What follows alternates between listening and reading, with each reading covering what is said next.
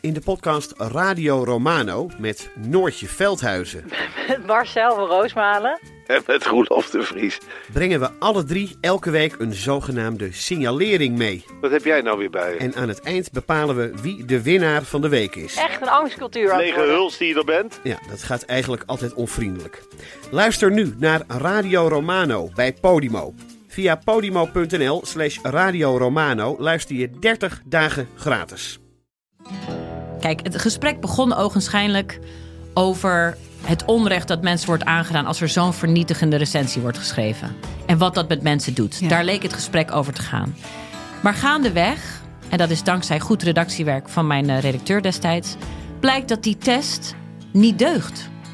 Via podimo.nl slash gonzo luister je de eerste 30 dagen gratis naar Podimo. podimo.nl slash gonzo.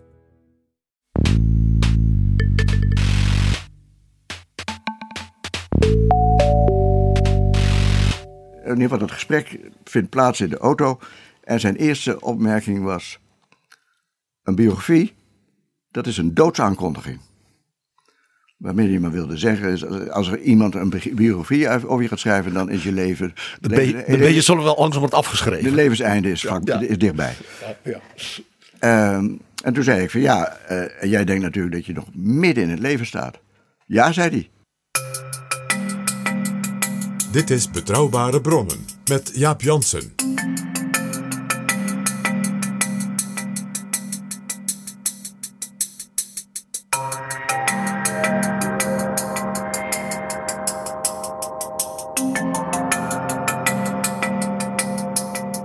Hallo, welkom in Betrouwbare Bronnen, aflevering 64.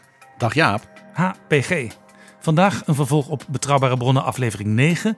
Toen we een special maakten naar aanleiding van het overlijden van oud-minister-president, Partij van de Arbeidleider en vakbondsman Wim Kok. Destijds een van de best beluisterde afleveringen van Betrouwbare Bronnen. Met een uitgebreid en heel persoonlijk verhaal van Jeltje van Nieuwenhoven. Een diepgaande analyse van Koks politieke denken door Joop van den Berg. En mooie verhalen van Gijs van Dijk en PG Kroeger. Echt een aanrader als je die aflevering nog niet beluisterd hebt. Betrouwbare bronnen, aflevering 9. Nu een vervolg daarop. Met Marnix Krop, auteur van een tweedelige biografie. Waarvan afgelopen week het eerste deel verscheen bij Prometheus.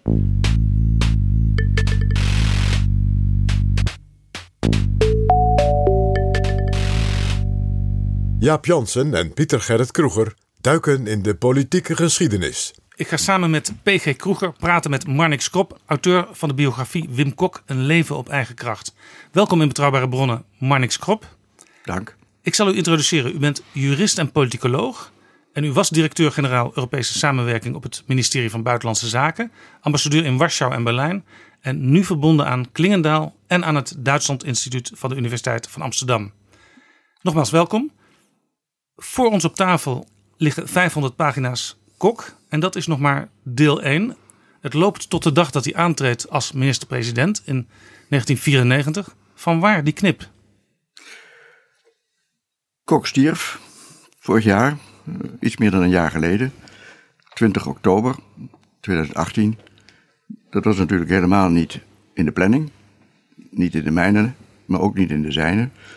Eh, het was een hele gezonde man, zelden ziek. eh, en had een hele ja, stevige fysiek, zeg maar. Dus hij en ik gingen er stiekem van uit dat hij minimaal 85, zo niet 90 zou worden.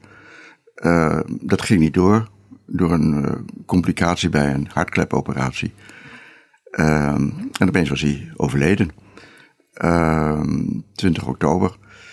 En dat ehm, leverde een probleem op, los van alle andere aspecten van dat overlijden, voor de biograaf. Want ik sprak met hem, elke maand ongeveer. Ehm, en ik deed dat aan de hand van specifieke fase- fasen in zijn leven. Ehm, en ik was ongeveer in 1991 eh, aangekomen. Toen hij net eh, een, een jaar of vier de politiek, in de Ja, hij politiek was, zat. het, hij was het in, in 1986 had hij Joop den Uyl opgevolgd. Was eerst fractievoorzitter in, de, in de Tweede Kamer geweest. En in, vanaf de herfst van 1989 was hij minister van Financiën en vicepremier van het derde kabinet Lubbers. Ik had met hem nog over zijn uh, ministerschap van Financiën gesproken, maar bijvoorbeeld niet over de WHO-crisis, die in mijn schema erachteraan kwam. Ja, wat een heel cruciaal moment is, daar gaan we het straks ook nog wat uitgebreider over hebben. Een heel cruciaal moment. Uh, en uh, ik realiseerde me dat dat onmiddellijk dat dat een methodologisch probleem zou opleveren. De, de methodiek van een, van een biografie waar de gebiografeerde de belangrijkste bron is, zou anders moeten gaan worden zonder de gebiografeerde. Ik zou zijn stem kwijtraken. Um, en dat, uh, ja, daar wist ik nog niet precies hoe ik daarmee om moest gaan. Ik, heb daar een paar weken mee rondgelopen. En opeens realiseerde ik me, als ik daar nou een knip in leg, uh, die is logisch aan te leggen, inderdaad in de zomer van 94, op het moment dat hij minister-president wordt. Um, dan heb je twee min of meer samenhangende delen. En het was voor mij wel mogelijk, dacht ik, om uh, die periode van 1991 tot 1994, waar ik zijn stem dus min of meer kwijt was, te overbruggen op een manier die de lezer niet zou storen. Ik denk niet zelfs dat hij het, dat hij het echt merkt. Nee. Uh, ook omdat ik uh, door het aanbod van zijn vrouw uh, vrij snel ook met haar verder kon praten. Weliswaar uh, had zij, ze had veel meegemaakt, maar alles natuurlijk, bijna alles uit tweede hand en niet uit eerste hand. Dus niet helemaal, het is niet hetzelfde. Maar het, het, uh, het, probleem van die stem werd daardoor wel iets minder acuut dan ik aanvankelijk dacht. En zo is het gekomen. het probleem is opgelost. Er is een eerste deel en over drie jaar hopelijk een tweede deel en het laatste deel meteen. Ja, het is ook meteen dat eerste deel een kloek boek geworden. Mag ik u een vraagje stellen? Heeft u ook nog kunnen praten met Ruud Lubbers? Want dat was ja. voor die periode, zeg maar juist 91, ik zal maar zeggen 89, 94, ja. natuurlijk een cruciale figuur. Ik heb met hem gesproken. In oktober 2016, toen was ik net bezig. Ik ben begonnen in september 2016. Um, dus het was achteraf gezien nog niet echt een uh, heel goed interview. Omdat ik uh, toch een heleboel dingen nog niet zo heel goed wist. Of, maar ik heb toch een paar hele interessante dingen met hem besproken. En die zijn ook in het boek terug te vinden. En Lubbers was toen nog uh, ook wel vief. Hij was vief. Um, ik, ik, kende hem ook al van, van, voor, van, voor, van eerdere perioden. En dus we gingen gemakkelijk met elkaar om.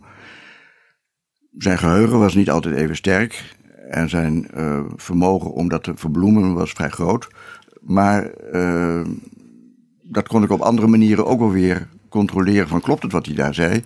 Nou, soms niet helemaal. Of uh, soms misschien helemaal niet. Maar vaak wel. Dat is natuurlijk ook een, vaak een, sowieso een probleem bij, bij een politicus. Ook als hij nog gewoon als politicus aan het werk is. We maken het op dit moment bezig met Mark Rutte en de burgerdoden in Irak. Hij kan zich niet herinneren dat hij daar ooit uh, van op de hoogte gesteld is. Uh, maar als je terugkijkt op je leven, dan is het soms ook een probleem. Hè? Want ik uh, heb begrepen uit uw boek dat Wim Kok zich de grote lijnen van zijn leven nog heel scherp voor zich heeft. Maar dat hij de details niet altijd meer precies weet. Dat klopt. Hij, um, hij had sowieso een, um, een niet heel actief geheugen. Um, en dat merkte ik uh, na mijn eerste twee gesprekken, die ik min of meer onvoorbereid met hem voerde, dat hij toch regelmatig zei van ja, dat weet ik allemaal niet precies. En toen ben ik, uh, heb ik van, ben ik van methode uh, veranderd en heb hem elke week van tevoren, of elk gesprek een week van tevoren, tien gegroepeerde vragen gesteld. clustervragen, zeg maar. dat vond hij heerlijk. Soort huiswerk. Maar daar kon ik over nadenken en dan kwam het, dan ging het geheugen weer werken. Um, dan hadden we daar een gesprek over. Uh, dat werkte ik natuurlijk uh, mondeling, uh, woord voor woord uit. En daarna, daarna kwam je altijd nog weer met een schriftelijke reactie op die vragen. En het interessante was dat er soms nog een verschil was tussen wat hij had, mondeling had geantwoord en wat hij schriftelijk had geantwoord. Dat schriftelijke was meestal iets voorzichtiger. Maar goed, dat is wel niet zo belangrijk. Op die manier uh, hielp ik hem dat probleem uh, met dat geheugen uh, te overwinnen. En was voor mij natuurlijk heel plezierig, want hij wist zich veel meer te dingen te herinneren. In ieder geval van de grote lijnen. Maar er waren hele onderwerpen, zowel wat, en eh, we komen er misschien over te spreken, zowel wat betreft zijn opvolging van Den Uil, ook het akkoord van Wassenaar, ook de WO-crisis, ook de kabinetsformatie 94. Hij wist de grote lijn. Hij wist ook, maar wanneer dat nou precies was en met wie precies en wat er toen gebeurde, dat was hij vaak kwijt. Of hij had daar een, een herinnering aan die niet helemaal klopte. Ja, had, had hij dagboeken? Nee. Hij had, helemaal, ah. had helemaal geen archief zelfs. Niets. Hij was geen schrijver. Gek genoeg, hij was wel een schrijver in de zin van. Ik heb stukken van hem gezien waar hij uh, bijvoorbeeld een eigen speech noodgedwongen maar, maar, opschreef, omdat uh, kennelijk de, de ambtelijke ondersteuning ontbrak. En dat zonder enige doorhaling schreef hij het gewoon, zo precies zoals hij sprak ook, heel gestructureerd. geen enkel twijfel over mogelijk. Maar ik denk dat hij wel heel veel twijfels had. Onder andere over zijn vermogen tot schrijven. Dat hij daarom nooit heeft aangedurfd. Er zijn heel weinig artikelen van hem. Ik heb ze verzameld. Er zijn, uh, en ja, hij, hij, leunde toch maar liever op een ander.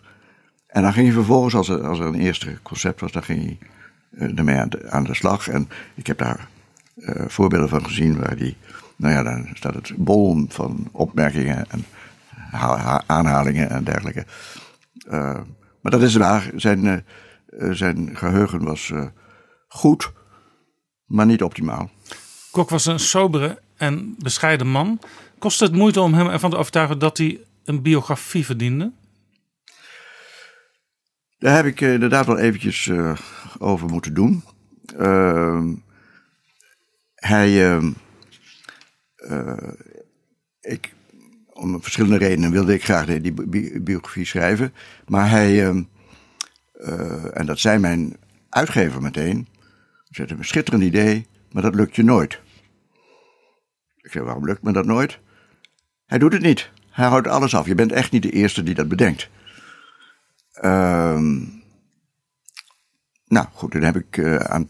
Ik, dat is voor mij altijd een, reden om er nog eens uh, tegenaan te gaan. En ik heb toen aan twee mensen gevraagd die hem heel regelmatig zagen. Zo van, god, gooi dat balletjes op. En ze kwamen allebei met hetzelfde verhaal terug. Hij houdt het nog steeds af maar hij wil wel met je spreken. en toen heb ik een, uh, een, gesprek met hem gehad in de auto. Ik zat met hem samen in de, in de Raad van Toezicht van de Anne Frank Stichting. En uh, we reden uh, in april 2016 naar zijn huis in Amsterdam-West. Hier zie je toch weer het geheim van de polder in Nederland. Hè? Dan zit je samen in zo'n club. En dat is dan toch nou, een sleutel dat je elkaar begrijpt. Ik weet niet of dat... Ik weet niet of dat het geval is. Wel eh, maakte ik daaruit op, want hij had mij, uh, een paar jaar daarvoor had hij me daarvoor gevraagd. Met steun van zijn eh, raad van toezicht natuurlijk. En ik maakte hem daaruit op dat hij me vertrouwde. Uh, want je vraagt niet zomaar iemand voor de Anne Frank Stichting. En, uh, dus ik durfde het wel aan. Maar goed, in ieder geval dat gesprek vindt plaats in de auto. En zijn eerste opmerking was: een biografie dat is een doodsaankondiging. Waarmee hij maar wilde zeggen is, als er iemand een biografie over je gaat schrijven, dan is je leven... Dan ben je, dan ben je zullen wel langzaam wordt afgeschreven. De levenseinde is, is dichtbij. Ja, ja. Um, en toen zei ik van ja, uh, jij denkt natuurlijk dat je nog midden in het leven staat. Ja, zei hij. Ik zei nou dat klopt ook. Uh, en zo aan je fysiek te oordelen, zal, je, zal dat nog wel zeker tien jaar duren voordat jij uh, er niet meer bent. Mm -hmm.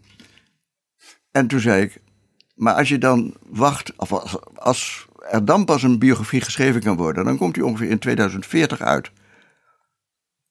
Hoeveel mensen, denk je, zullen dan nog weten wie Wim Kok was? Hm, denk je dat? Ik zei ja. Want dan ben je een historische persoon. En als er nu een biografie over je geschreven wordt, dan ben je, en die komt over een jaar of vijf uit, dan ben je niet alleen een historische persoon, maar je, maar je bent nog steeds een politiek relevante persoon. Want een boel van de dingen die door jouw handen zijn gegaan, daar zitten we nu nog mee, daar worstelen we mee. Daar, daar. En dan is het dus van belang om de, de figuur Kok volop in die discussie te hebben. Hm. Hm. Hm, denk je dat? Ja, zeg. Nou, laten we dan maar eens praten. En vervolgens heb ik in het tweede gesprek was hij, was hij, was hij akkoord. En zei de beroemde zin, die ik nooit zal vergeten. Laten we het scheepje maar afduwen. Ja, ja, ja. En toen ging u eh, ongeveer elke maand naar het huisje wat in zijn tuin was neergezet, zo, waar Kok eh, aan het werk was. Ja, precies. En dat, ja, zo ongeveer tien keer per jaar, want, eh, vakanties en zo. Maar, dus ik heb er 18 gesprekken gevoerd, waarvan 16 met hem en twee met hem en zijn vrouw samen. Ja. En u Hoe, vertel- lang, hoe lang waren die gesprekken? Altijd twee uur, Twee uur. soms drie uur, soms ergens ertussenin. Ja, en u vertelde, ik had zijn stem eh, tot ongeveer eh, 1991. Ja. Als ik de biografie lees, dan zie ik niet veel rechtstreekse citaten van die stem. Nee, want ik wilde geen journalistiek product schrijven.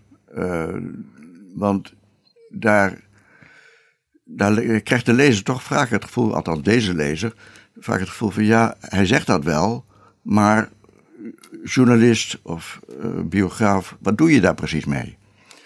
Eh, ik ga geen voorbeelden geven, maar ik vind een paar biografieën op dat, om, om die reden niet helemaal sterk. Ja, en da- daardoor hield u ook de vrijheid als biograaf om soms uw eigen kanttekening bij de herinnering van Kok te plaatsen. Ja, soms gebruik ik zijn herinnering niet eens. Omdat ik merkte dat het een ander verhaal was. En eh, waar het mij om ging was niet precies wat hij gezegd had, maar om zijn leven te schetsen.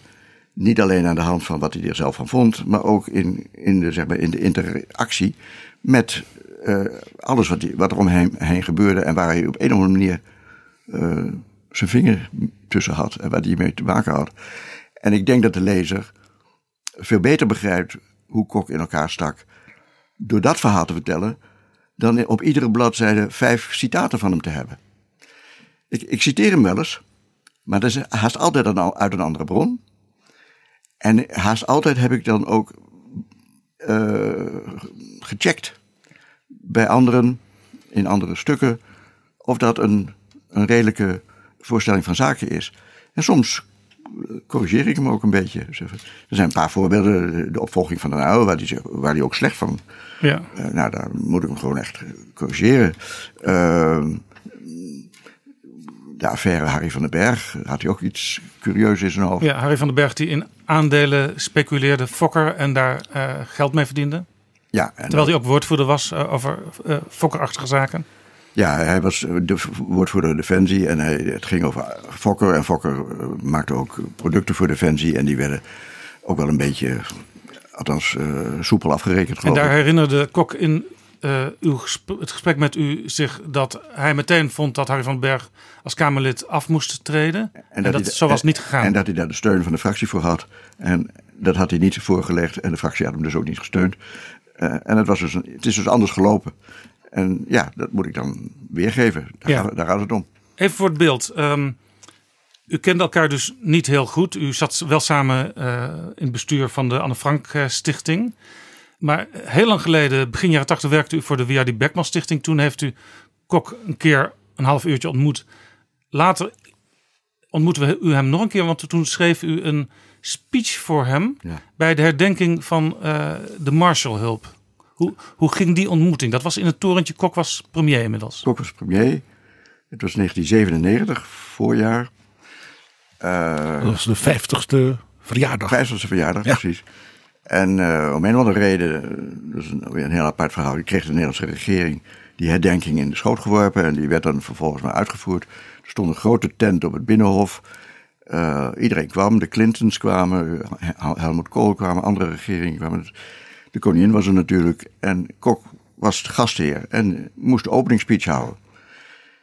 En aangezien het eh, buitenland betrof, kwam het dus bij Buitenlandse Zaken terecht. En ik werkte daar en schreef wel eens een speech. En heb dus eh, ge- ja, heb die speech voorbereid. Ja, zo werkt het. hè. De vraag gaat het apparaat in en op een gegeven moment ligt er een tekst voor de minister-president en zijn. Precies, die ligt al bij zijn. Was de familie van generaal Marshall er ook?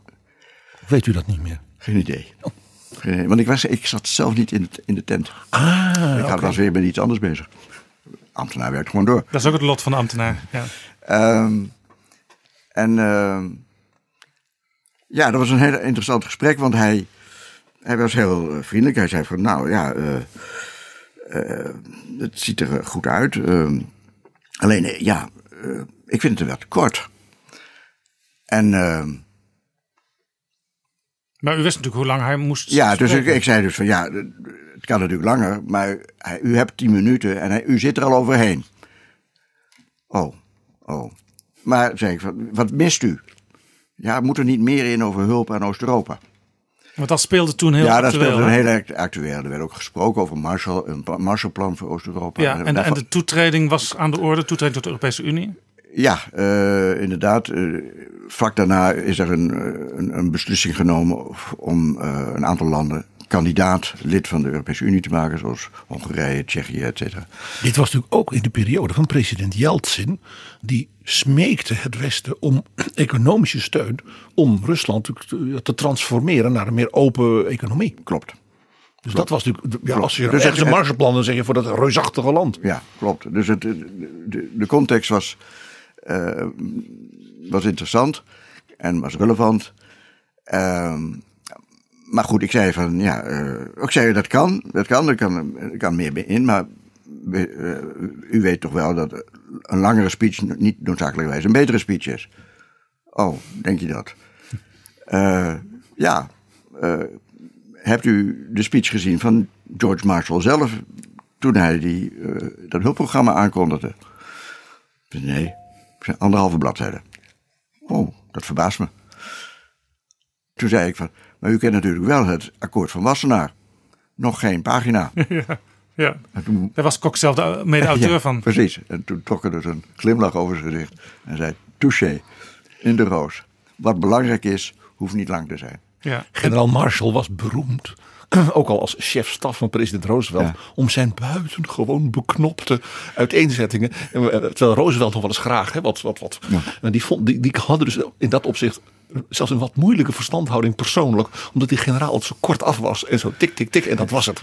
En terwijl de president wou wat strategische overwegingen en dit en dat. Maar ja, ze respecteerden elkaar zo enorm dat het, ze bleven toch altijd bij elkaar. Maar het grappige, het hele, juist dat kort af van hem was een van zijn meest ja, opmerkelijke eigenschappen. Ik had, een, ik had nog een ander voorbeeld, dat heb ik niet in het boek genoemd.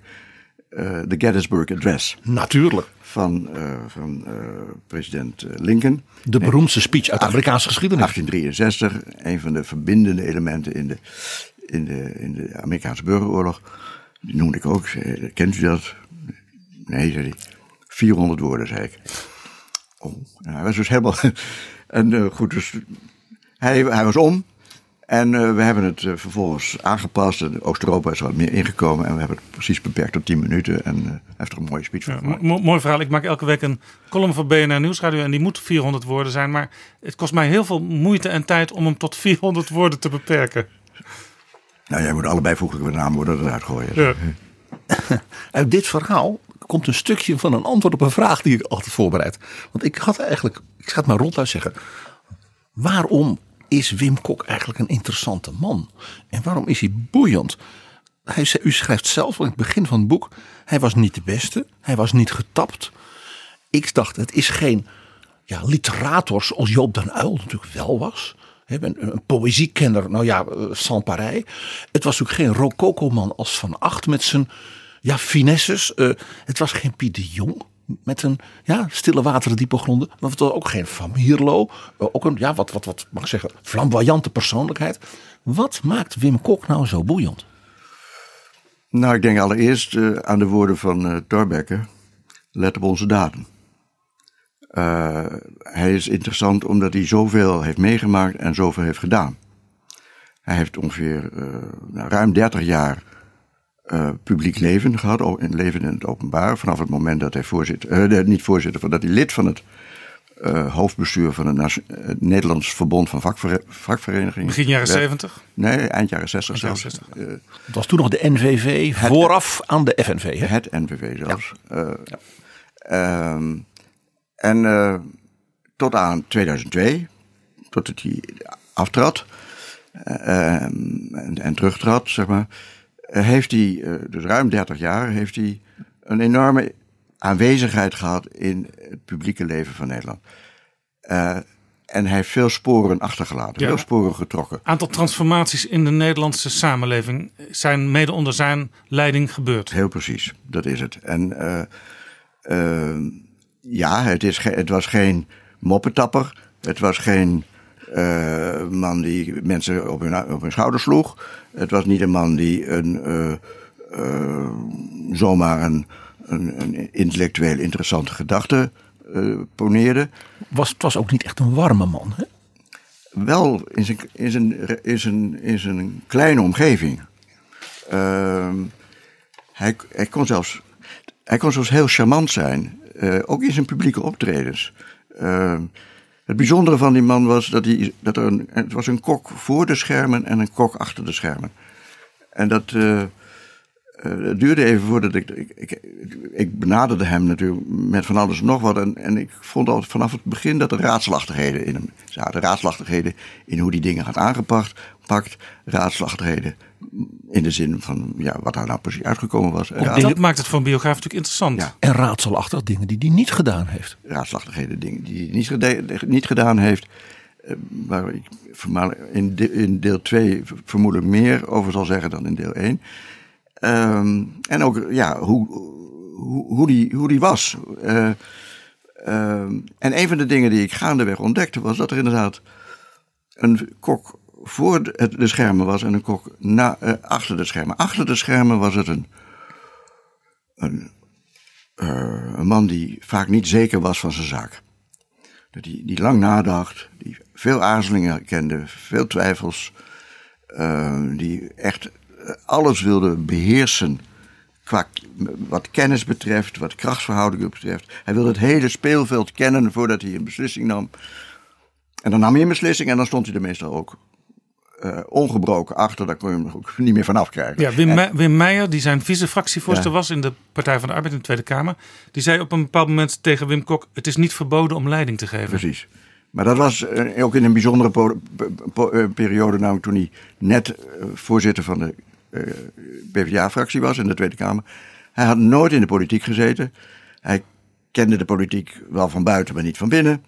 Hij kende die fractie wel van buiten, maar niet van binnen. Hij kende het parlement wel van buiten, maar niet van binnen. Hij kende de Partij van de Arbeid zelfs. Precies. Niet van binnen. De zeden, dus, de zeden van dat bedrijf, maar ook de heel eigen cultuur die, van die partij waren hem in belangrijke mate vreemd. Precies. En ook de, de, hele eigen cultuur van zo'n fractie en van zo'n parlement.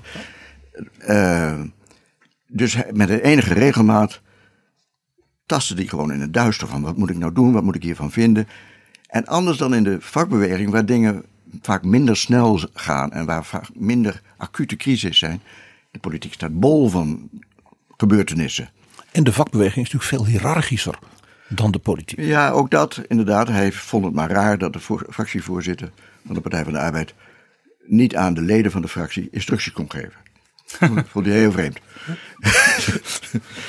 um, Staat ook ergens in een, in een boek. Uh... Zoals ook generaals vaak helemaal geen goede bestuurders blijken. Ja, maar hij, hij, heeft, hij, is, hij is wel aan gewend. En, en ook, uh... dan, dan is de Partij van de Arbeid ook misschien nog wel een van de moeilijkste fracties om, om op die manier leiding aan misschien, te geven. Maar hij, hij is er wel door Klaas de Vries en Wim Meijer op dat punt uh, zeg maar bijgepraat. maar goed, nog even terug naar dat voor en achter de schermen. Dat vond ik, achter de schermen was het een, nou op zijn, op zijn best gezegd, een ongelooflijk grondig nadenker. En op zijn slechts gezegd misschien een grote aarzelaar. En om bijzondere redenen werd hij soms gedwongen om voor de schermen te komen. Er kwam een journalist op hem af met een camera en een microfoon en die stelde hem een vraag. En dan zie je, maar je ziet het ook in, in de teksten, hij recht zijn rug. Hij spreekt heldere taal kort en bondig, in een paar zinnen weet hij precies te vertellen waar het om gaat en waar wij heen moeten. Waar hij daarvoor misschien weken over geaarzeld heeft en waar hij misschien op het moment dat hem dat gevraagd wordt, dat ook niet precies weet. Maar de situatie dwingt hem ertoe. De buitenwereld dwingt hem om uit zijn binnenwereld te komen. En hij laat daar nooit iets van merken. Laten we even luisteren naar Kok in het volle licht van de schijnwerpers als vakbondsman in 1980. De demonstranten, die de loonmaatregel van het kabinet niet zo zien zitten, marcheerden in brede gelederen door de hoofdstad. De man die het althans bij de meerderheid van de FNV'ers zeer verbruikt heeft, is minister Albeda. Zijn tegenvoeter Wim Kok kreeg tijdens de demonstratie veel bijval. Beste vrienden en vriendinnen. We weten, we weten ons hier op deze dam één. Eén met al die honderdduizenden collega's elders in het land. Die om precies dezelfde reden als u en vandaag voor korte of langere tijd het werk wij hebben neergegooid. Waarom? Omdat we het niet pikken dat de volledige en automatische prijscompensatie ons op 1 juli door de neus wordt geboord. Daarop past maar één antwoord. Een vlammend protest. Maar actie of geen actie, de loonwet werd een dag later door de Kamer aanvaard. Dat was Kok in 1980 op de Dam, kort en krachtig. Hij was dus een uitstekend acteur. Nou ja, hij was in ieder geval een uitstek, uitstekend iemand die, die de uitdaging van het publieke leven aankon, laten we het zo zeggen. Dat is niet helemaal hetzelfde als een acteur, maar uh, en hij vond dat soms ook wel lastig. En in zijn binnenwereld, hè, met Rita en, en zijn gezin en met een paar vertrouwelingen, kon hij, kon hij uh, lang on, on, onzeker zijn. Maar op een gegeven moment moest hij. soms omdat hij zelf dat had bepaald, nu moet ik. En soms omdat de, de, de situatie erom vroeg. En Nederland kent hem alleen maar als de, als de, de man die wist waar hij het over had, die nooit benauwd was uh, en die geen, geen aarzelingen kende. En dat, uh, terwijl zijn, zijn, zijn kring van vertrouwelingen, of zijn kring van, kring van medewerkers op het ministerie, of zijn kring van medewerkers op, uh, op, bij de vakbeweging of in de fractie, dat natuurlijk wel wisten. Ehm, en die werden vaak uh, ja, heen en weer geslingerd in hun waardering van hem. Ja, op het ene moment was hij, wilde hij, had hij moeite om leiding te geven. En op het andere moment gaf hij heel duidelijk leiding. Is, is het een achteraf een zegen voor Wim Kok dat hij niet meer heeft meegemaakt dat je als politiek leider om de paar weken uh, bij Jeroen Pauw of Eva Jinek aan tafel zit? Nou ja, hij zat natuurlijk wel in zijn ministers, minister-presidentschap. Zat hij elke week uh, na de persconferentie op vrijdag uh, met, met de uh, journalist voor de. Voor, hoe heet dat ook weer, het programma? het gesprek met de minister-president. Maar dat, is, dat is heel inhoudelijk. En dat gaat, als je, als je dat wil als minister-president, gaat het ook alleen maar over de ministerraad van die dag. Klopt. Klopt, maar er wordt haast altijd wel, er worden altijd wel andere dingen aan Ja, maar er komt niet de, de laatste hit van Gordon of zo, komt niet aan de orde. Nee, maar daar zal hij ook nooit een antwoord op, op hebben willen geven.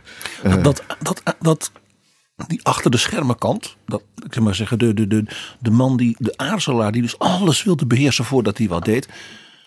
Ik neem aan dat zijn collega's in het kabinet, en met name zijn PvdA-collega's in het kabinet, daar af en toe horendol van moeten zijn geworden. Ja, uh, uh, in Lubbers 3. Ja, Lubbers 3. Hè. Uh, dat klopt. De, de, de bewindspersonen overleggen, die op de avond ervoor voor de ministerraad op donderdag werden gehouden. Dat gold, voor alle, alle, dat gold ook voor het CDA. Zeker. Um, die waren niet altijd echt plezier, plezierige bijeenkomsten. Uh, ook door de omstandigheden. De Partij van de ging in dat kabinet door een diep dal. Dus het was niet altijd vrolijk. En hij gaf niet altijd helder leiding. Uh, en hij kon, uh, ja, hij kon, kon mopperen en humeurig zijn. En, dus het was niet echt. Sommige bewindslieden vonden het ook niet erg als ze toevallig een andere afspraak hadden. Wisten de collega's als de vergadering op donderdagavond voorbij was, wat ze nou hadden afgesproken? In principe wel. Uh, en het interessante is dat ze uh, de kabinets, de ministerraadsvergadering de volgende dag vaak veel en veel aangenamer vonden. Want dan waren ze door die discussie heen. Uh, ze wisten weer ongeveer wat ze moesten vinden. Um, ze vonden het gesprek met uh, de CDA-collega's over het algemeen plezierig.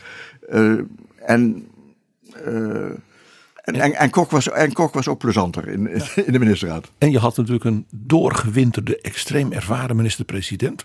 Die dus ja, wel wist hoe die dingen moest aanpakken. Ja, hoewel, dit, hoewel dat ook niet altijd een, een, plezier was. Want hij, hij kon mensen piepelen, ook zijn eigen partijgenoten. en hij piepelde zelfs Wim Kok wel eens die dat zonder. Uh, zonder... Ruud Lubbers was een beetje pesterig af en toe. Ja, een beetje besserwisser, hè, zoals de Duitsers dat zeggen. Hij wist het altijd beter. En, en, en, en sprong sneller dan, dan menig ander kon, kon springen. we hebben het altijd over out of the box denken. Nou, ik heb bij hem altijd het gevoel dat out of the box springen was. Want het, uh, hij dacht heel snel. Hij dacht drie stappen vooruit. En, en Kok had daar. Nou, hij kon het over het algemeen wel bijbenen. Maar hij had ook grote bewondering voor, voor Lubbers. Maar vond het niet altijd plezier. Het beroemde verhaal van Jo Ritsen dat hij dan in dat kabinet uh, om de zeg twee, drie weken een betoog hield. Dat wilde je uit de economische crisis komen, de WHO. Dan moest er vooral heel veel meer geld naar onderwijs. Stelde Jorits, heeft hij zelf verteld notabene, dat dan alle collega's naar het plafond staarden. En als hij dat klaar was, zei dat Ruud Lubbers. zei, en dat was de grijs gedraaide plaat van de minister van Onderwijs en Wetenschappen. Uh, Kok, toen hij vicepremier werd onder premier Lubbers, had ook voor zichzelf besloten: ik blijf heel dicht bij die Lubbers. Ik, ik wil voorkomen uh, dat hij plots besluiten heel anders gaat uitleggen dan ik ze in mijn hoofd heb. Klopt. Uh, hij heeft echt een strategisch gekozen voor het ministerschap van Financiën. Uh, hij, uh, toen hij vaststelde op grond van de verkiezingsuitslag dat het ministerschap, het minister-presidentschap er niet in zat, want het CDA was groter geworden. Ehm, maar hij toch dat kabinet wilde, want hij wilde uit de oppositie weg. Uh, ja, uh, dus nou, uh, zijn we een akkoord gesloten. Dat akkoord was helemaal niet slecht voor de Partij van de Arbeid. Ook de verdeling van posten was 7-7 ministerschappen. was ook ruimhartig voor de Partij van de Arbeid. En in die context wilde hij graag minister van Financiën zijn. Om twee redenen. Eén als een historische. Hij had gezien hoe in het kabinet van 8-2 Den Uil toch min of meer verkruimeld was geraakt. Door verschillende redenen, maar onder andere ook omdat zijn eigen partijgenoten in het kabinet geen bijzondere achting meer voor hem hadden. Ja, Den Uil die had in 1981 uh, een superministerschap voor zichzelf ja. gecreëerd. Sociale zaken en werkgelegenheid, dat werd voor het eerst aan gekoppeld. Hij had banenplannen en die mocht hij tegen heug en meug van de andere partijen gaan uitvoeren. Uh, maar hij had geen greep meer op het proces. En wat het tragisch was, en ik denk dat meneer Krop dat terecht zegt. Dat het met name de PvdA-ministers in dat kabinet waren. En natuurlijk Jan Terlouw, de D60-minister op EZ. Die dus Den Uils, mag ik zeggen, uh, nou ja, graaizucht. Uh, gewoon zat waren. En hem dus gewoon tegenwerkten. Uh, waarbij dan ja, Van Acht als premier natuurlijk glimlachend toekeek. Hoe dus de PvdA-ministers Joop den Uyl, zoals jij dat zegt, ook zo mooi zegt, verkruimelden. Ja, en dat wilde Wim Kok natuurlijk niet, nog, niet ook beleven. Nee, dus dat wilde hij absoluut niet. En er is maar één positie in het kabinet buiten minister-president waar je dat kunt voorkomen. En dat is op financiën. Maar niet iedereen in de Partij van de Arbeid begreep dat hij nou juist financiën wilde. Nee, dat, maar goed, er worden wel meer dingen in een partij niet altijd begrepen. Uh, men dacht van, ja, moet hij niet naar sociale zaken, want dat is toch veel meer het paradepaard. Moet hij niet in de Kamer blijven? Eh, Hans Kombrink kwam daar nog mee naar buiten. Eh, misschien ook niet helemaal uh, om, om, om redenen die buiten hemzelf lagen, maar ehm, in ieder geval, hij, hij koos daarvoor. En de tweede reden was, ik wil in de buurt van Lubbers blijven. Om een positieve reden, ik wil hem kunnen steunen waar dat nodig is. Ik wil de eenheid van het kabinet kunnen benadrukken. En, het, en ik wil ook in de buurt kunnen zijn als hij uh, gekke dingen doet. Uh, dingen, of, of, dingen doet die ik niet 1, 2, 3 uh, zie. Eh, en dat is op een paar kleinigheden eh, na is dat heel goed gelukt. Dat kabinet heeft inderdaad gedraaid op die as Lubbers-Kok. is daardoor, heeft daardoor 4,5 jaar het volgehouden. Terwijl in de Kamer die steun veel minder duidelijk was. Eh, vooral niet bij de uh, CDA-fractie. CDA, ja. Wat mij altijd gefascineerd heeft bij Wim Kok, hij uh, is qua karakter nogal gesloten en ja, sociaal on onhandig. En een sociaal praatje, als je een plotseling tegenkomt, dat stokt al gauw. Ehm, maar hij is altijd omgeven geweest, zowel bij de vakbeweging als in de politiek, door vogels van hele diverse pluimage. Uh, niet alleen hele verschillende opvattingen in de directe omgeving, maar ook hele verschillende karakters. En, Voorbeelden? Nou ja, bijvoorbeeld in de uh, uh, vakbranche Arie Groeneveld, die inhoudelijk heel vaak aan de andere kant ging hangen. Mensen als Kees Schelling, maar ook hele rechtlijnige types als uh, Wim Spit, zijn vicevoorzitter bij de nieuwe FNV. En in de Partij van de Arbeid, ja, daar had je natuurlijk ook feministen, nou ja, van allerlei slag. Maar ook mensen die geen partijagenda hadden, maar een hele persoonlijke agenda.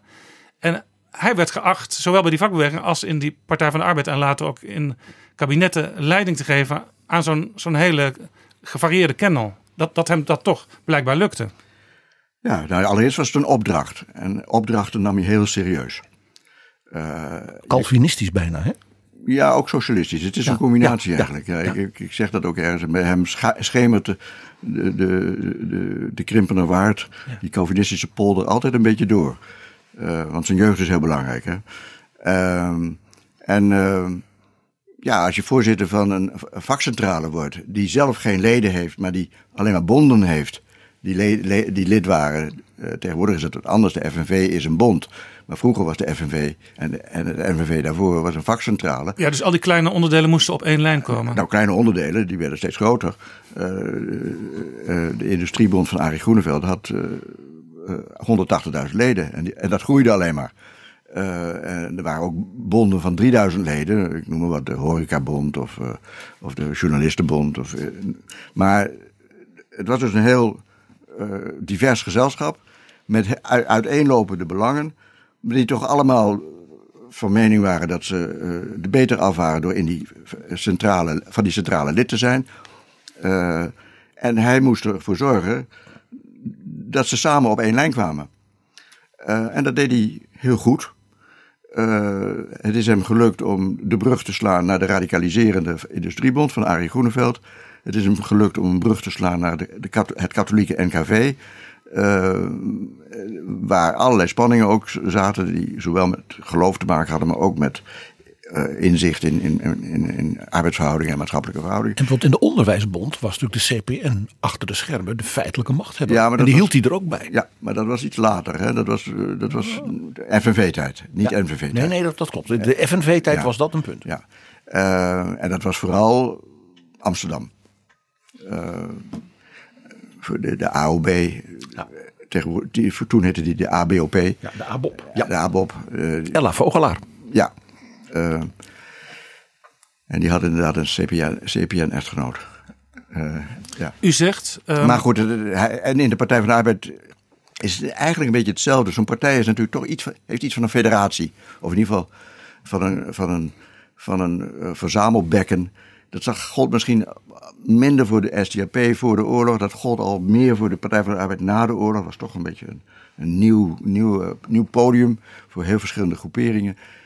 En, en naarmate het Nederland ontzuilde, individualistischer werd, kwamen dus die geluiden op allerlei manieren in die Partij van de Arbeid naar voren. Um, en daar zal hij misschien persoonlijk niet altijd vreselijk veel affiniteit mee hebben gehad. Maar zijn opdracht was om het spul bij elkaar te houden en ergens naartoe te leiden.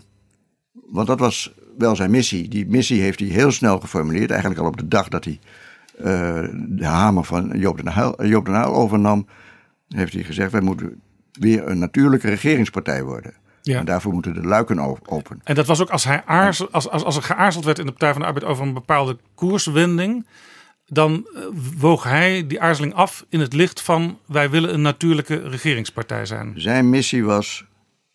Hij, hij begreep niet, in 86 had de Partij van de Arbeid 52 zetels gewonnen net niet genoeg voor het minister-presidentschap, want de CDA had er 54. En het was, ja, het was ook minder dan de peiling eerder had aangegeven. Het was een beetje teleurstellend. Nou, het kabinet CDA-VVD werd voortgezet. En hij begreep eigenlijk niet dat die Partij van de Arbeid zo groot aan de zijlijn stond. Zijn vakbondsmanier van kijken zei hem van, we moeten, we moeten toch meespelen? En hij, hij, formuleerde dat in ieder geval in het gesprek met mij. We moeten terug naar het center court. Hij had, hij had boordevol met sporttermen. Hij was uh, geen tennisser, toch? Nee, maar hij, keek graag naar Wimbledon. uh, en... Uh, En, en, en dat heeft hij in feite, als je, je kunt zijn loopbaan op dat punt ook als een soort constante zien in zijn politieke loopbaan. Het is hem gelukt. Het is hem gelukt in 89. Het is hem gelukt tegen alle eh, voorspellingen in, in 94. Weer in 98. En je zou kunnen zeggen, het grote drama is in 2002 gebeurd. Uh, maar goed, daar zijn we nog niet aan toe. En, maar, maar het is interessant is dus dat hij vond, toen hij dus in 86 aantrad, dat de Partij van de Arbeid dus geen natuurlijke regeringspartij meer was. Dat dus eigenlijk na het kabinet Den Uil, dat de PvdA in dat opzicht dus was mislukt. Nou, dat klopt. Hij zei van, uh, hij vond dat de Partij van de Arbeid het onder Den Uil uh, goed had gedaan in 73. Met hulp van Ja Burger en anderen. Toen is het kabinet een oude Toen is het kabinet een oude gevormd. En, uh, Eigenlijk tegen heug en meug, want de Christen-Democraten die, die aarzelden. Maar uiteindelijk kwam het er toch? Het, is een, het was een gedoogd kabinet door het CDA. Of, het CDA bestond nog niet, maar door de conventionele partijen. Door twee van de drie conventionele partijen. Uh, en de drie progressieven waren zeg maar de dominante. En toen kwam het Partij van de Arbeid dus opnieuw in het centrum van de macht waar ze vroeger ook al in gezeten hadden. Precies. Uh, waar ze even in gezeten hadden aan het eind van de jaren 50. Uh, en waar ze nu in zat en waar ze in feite uh, met de uitslag van 77 53 zetels voor de Partij van de Arbeid in bevestigd werd. En wat misging bij die formatie. En dat moet, dat moet Kok zeer veel spijt hebben en gedaan. En dat heeft Kok toen ook al veel spijt, spijt gedaan. En hij, hoewel hij een, een, een bijzondere relatie met Den Uyl had. ik weet niet of hij hem ooit heeft durven zeggen van Den Uyl, Joop, dat is, heb je niet goed gedaan. Maar hij dacht het wel. Was, Den Uyl was misschien dan in dat opzicht meer een schrikbeeld voor hem dan een voorbeeld? Ja, het was een, het was een nou, schrikbeeld is misschien niet het juiste woord, maar de, het, bij Kok was haast nooit iets ongemengd. Het, het was, er zat altijd verschillende mengkleuren in. En hij was, hij was zeer gesteld op Den Uyl. Het was geen vriendschap. Uh, was zeer gesteld op Den Uyl, had grote bewondering voor hem, maar vond op een aantal punten dat hij uh, onvoldoende leiding gaf. En dat, dat gold later ook voor. Of leiderschap vertoonde, dat is het eigenlijk. Dat, is, dat verschil probeer ik te maken. Ja. U stelde net dat de jeugd van Wim Kok bepalend was, eigenlijk voor alles wat hij in zijn latere carrière uh, deed. Nou, dat gaat misschien wat ver. Dat heb ik ook niet gezegd. Ik, zeg, ik heb wel gezegd dat die jeugd heel belangrijk was. Uh, Wat maakte die jeugd zo belangrijk? En hoe, hoe, was die? Misschien kunt u eerst even omschrijven. Want u bent ook met uh, Kok zelf nog naar Berg Ambacht geweest om daar rond te lopen en over vroeger te praten. Ja, ja in het algemeen merkte ik dat, uh, dat Kok, als je uit zijn, uit zijn tuinkantoor uh, weghaalde, dat hij meer begon te zeggen. En ik had dus ook nog meer excursies bedacht. Ik wilde met hem naar het oude FNV-kantoor. Ik wilde met hem naar het ministerie van Financiën. Ik wilde naar het torentje natuurlijk, naar, het, naar de Trevenzaal, naar de Tweede Kamer. Uh, en misschien nog wel andere dingen. Bijna een filmische aanpak. En, ook, ook naar en, Brussel. En dat is ook naar Brussel. Uh, en de eerstvolgende afspraak die ik met hem had was op 20 juli 2018 in het FNV-kantoor. Uh, en door zijn ziekte is daar niks van terechtgekomen en daar is nooit meer iets van terechtgekomen. Dus. Maar uh, ja, ik ben inderdaad met hem naar, dat, uh, naar zijn geboortedorp gegaan. Ehm, het is wel een onderwerp waar hij überhaupt wel wat meer over gezegd heeft. Ook vroeger. Het is niet zo dat hij. Um, dus er was ook wel meer, iets meer over bekend. Ik denk dat het ja, een heel sterke invloed op, op zijn leven heeft gehad. Het was een, een heel, zijn ouders stonden echt onderaan de maatschappelijke ladder. Zijn vader was timmerman? Timmerman en zelfs losarbeider voor de oorlog. Niet altijd vast werk? Ja, niet, anders, niet altijd vast werk. Uh, sterker nog, in de winter moest hij gewoon zijn hand ophouden. Um, en uh, in de oorlog was hij voornamelijk aan het onderduiken op een Rijnaak. Dus was hij er ook niet bij. En, en na de oorlog kwam hij terug. Kreeg hij vast werk op een fabriek op de dijk. In een fabriek op de dijk. Um, maar dat, dat gezin heeft nog, nog jarenlang in, in de vrees geleefd van... die crisis van de jaren dertig zal die niet terugkomen. Wie, wie, wie garandeert ons dat dit goed blijft? Gaandeweg zijn ze natuurlijk wat meer in geloven. En de aanwezigheid van de Partij van de Arbeid en de regering daar dat was een ondersteuning van het geloof. Waarschijnlijk ook grote waardering voor Drees. Enorme waardering voor Drees. Hij was een groot man. In, in, in. Maar dus, het was dus uh, onderaan de ladder. In een dorp waar, waar natuurlijk sowieso uh, de standaardmaatschappij nog zeer uh, leef, leefde. Ehm, en hij woonde ook een beetje in een soort zijstuk tegen de dijk aan, weg van het dorp. En dat was een beetje, dat heette het Rode Dorp in, in lokale taal. en nou, daar wonen iets van 200, 250 mensen. Grotendeels arbeiders in, in, in fabrieken daar. Dus een beetje apart. Ja, vakantie voor Wim Kok was in de zomer één dagje naar Rotterdam heen en weer. Precies. Met, uh, met, de, met de boot vol veeboeren naar de haven van Rotterdam. Dan naar de diergaarde Blijgaard, uh, Blij, Dorp. Blijdorp. Sorry. Uh, dan een, ergens een café Engels een, kopje, een, hoe heet het, een glaasje cola drinken bij de meege, meegebrachte boterham. En dan smiddags nog naar Siniak. En dan gingen ze weer terug met diezelfde boot. Dat was hun vakantie. En dat is dus. Um, ja, hij liep tot zijn twaalfde op klompen. Uh, en had, Want er waren geen schoenen. Nou, hij had wel zondagse schoenen, maar die had alleen voor de zondag. Het woord uh, alleen al zondagse schoenen. Ja. ja. Uh, niet voor de zes dagen die, die er verder nog waren. Het is heel mooi, dit beeld. Wat heel veel mensen in Nederland nauwelijks beseffen. Dat die naoorlogse jaren het beeld is wederopbouw en toen gingen we allemaal met z'n allen. Dat is dus niet zo. Dat heeft jaren geduurd voordat Nederland weer zeg maar, vaste grond onder de voeten had.